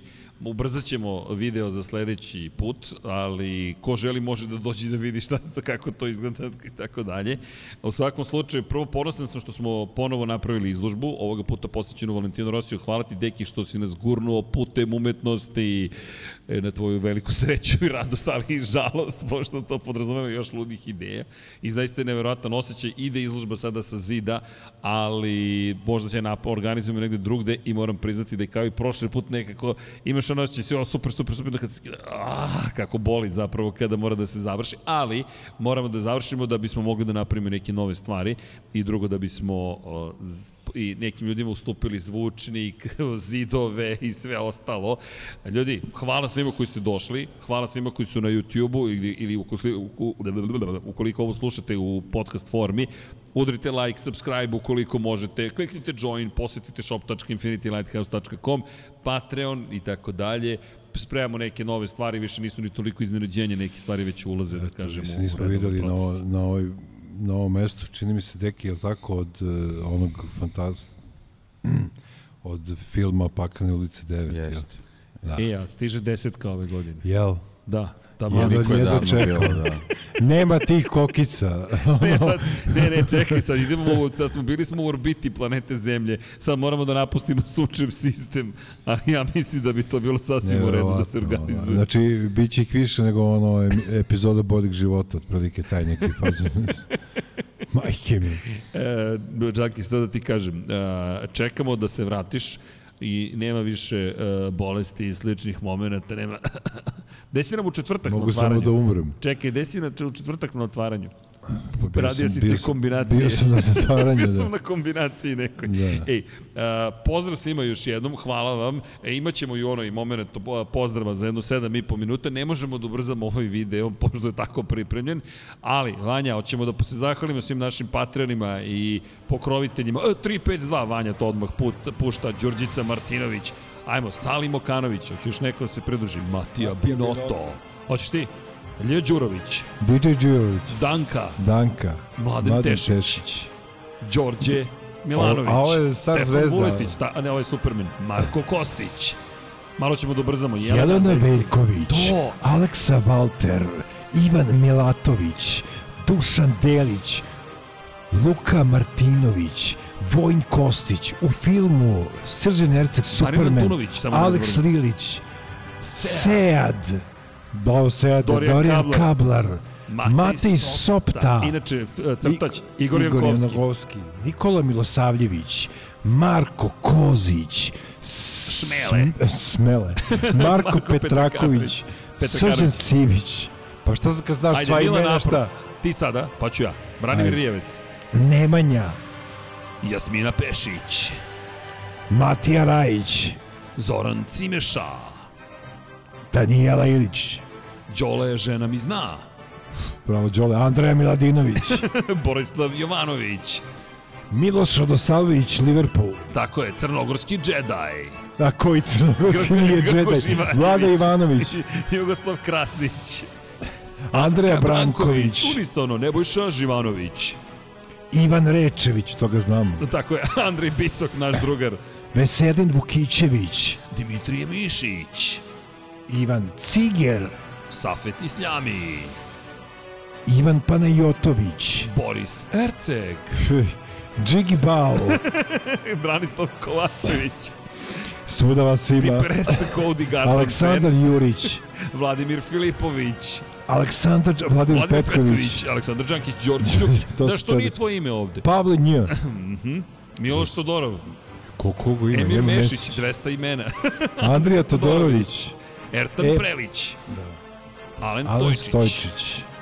Bojan Markov. Bahtjar Abdurmanov. Darko Trajković. Dejan Đokić. Ferenc, Ferenc Vaslov. Čekaj.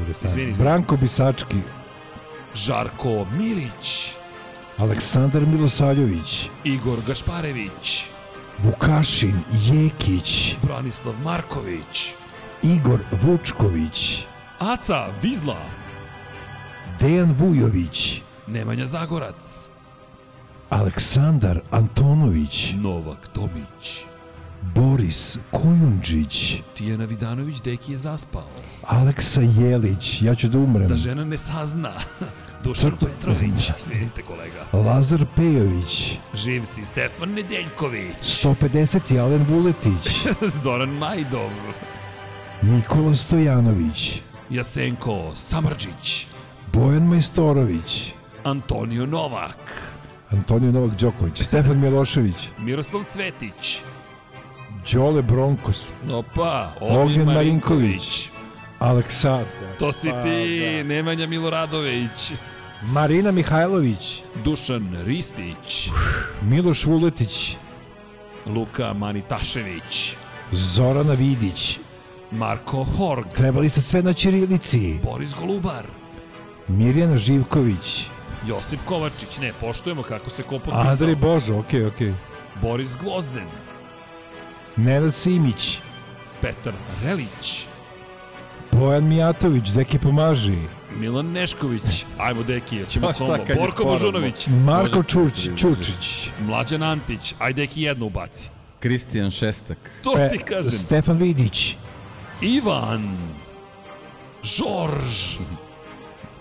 Luka Savović, Ja. Jelena Mak, opa, Goša 46. za koga on navija, Kovačević Omer, Monika.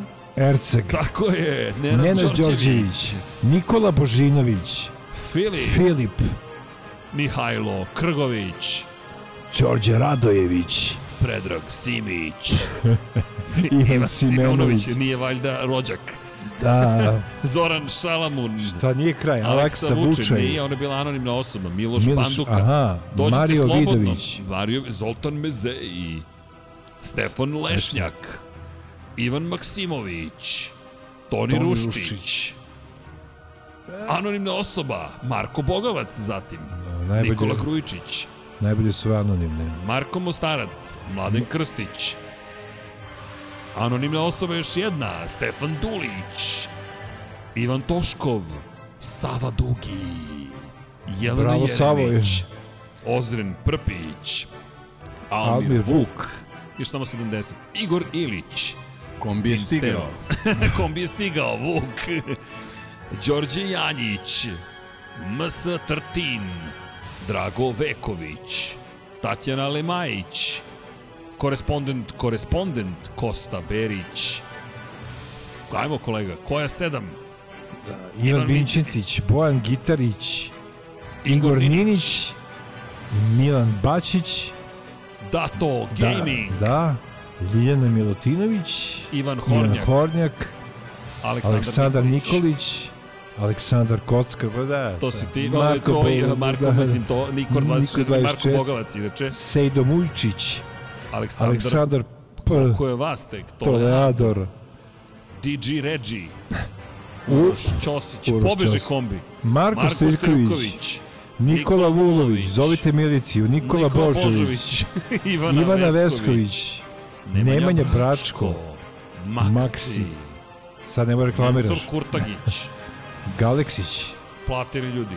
Alen Jesenović, Uroš, Uroš Čuturilo, Čuturilo, Žarko Jovanović, Ćemo zajedno, Očapero, Očapero, Vladan Đurić, Marakos, Marakos. Marakoš, zapravo, Zlatko Marić, Aleks, Aleks Vulović, Vulović, Milan Knežević, Nemanja, Nemanja Cimbaljević, Bojan Pejković, Resničanin, Petar Bijelić, ovo gore nego diskoteka, Kro Robi Robi, 0-0, Pavle Lukić, Milorad Reljić, Saša, Saša Stevanović, Toni Soni 76, Toni- tako je, Nikola. Niksi, poeta, Branko Rašević, Nikola, Nikola Grđan, Grđan, Nikola Srđan, e, Grđan, Miloš Stanimirović, Bakadu. Deki smo najpametniji, Ivan Magdalinić, kao i uvek, Ivan Vujasinović, Veselin Vukićević, Branislav Branislav Vukašin Kašin Vučinović, Vučenović, Almedin Almedina Ahmetović, Nemanja Labović, Marina, Marina, Nemanja Miloradović, Miloš LFC, Nikola Kojić, Koja, Vlada, Vlada Ivanović, Ivanović, Oliver Oliver Nikolić, Nikolić, Jelena Jerević, Luka, Luka Skok, Skok, Nemanja, Nemanja opet, opet, Bojan, Bojan Marko. Marko. I to bi bilo to. 3-5-2 kreće u početku. Bravo. Molim vas jedan aplauz za, ovaj, za ovo čitanje. Znamo da čitamo i slova prepoznajemo. Ej, ljudi, samo da vam kažemo, hvala još jednom kolega Đankiću, hvala kao i uvek, gospodine Potkonjak, hvala. Hvala tebi. Da, znao sam, nema na čemu. I samo da vam kažemo, ćemo na 1, 2, 3. 1, 2, 3. Ćao Ćao svima. svima.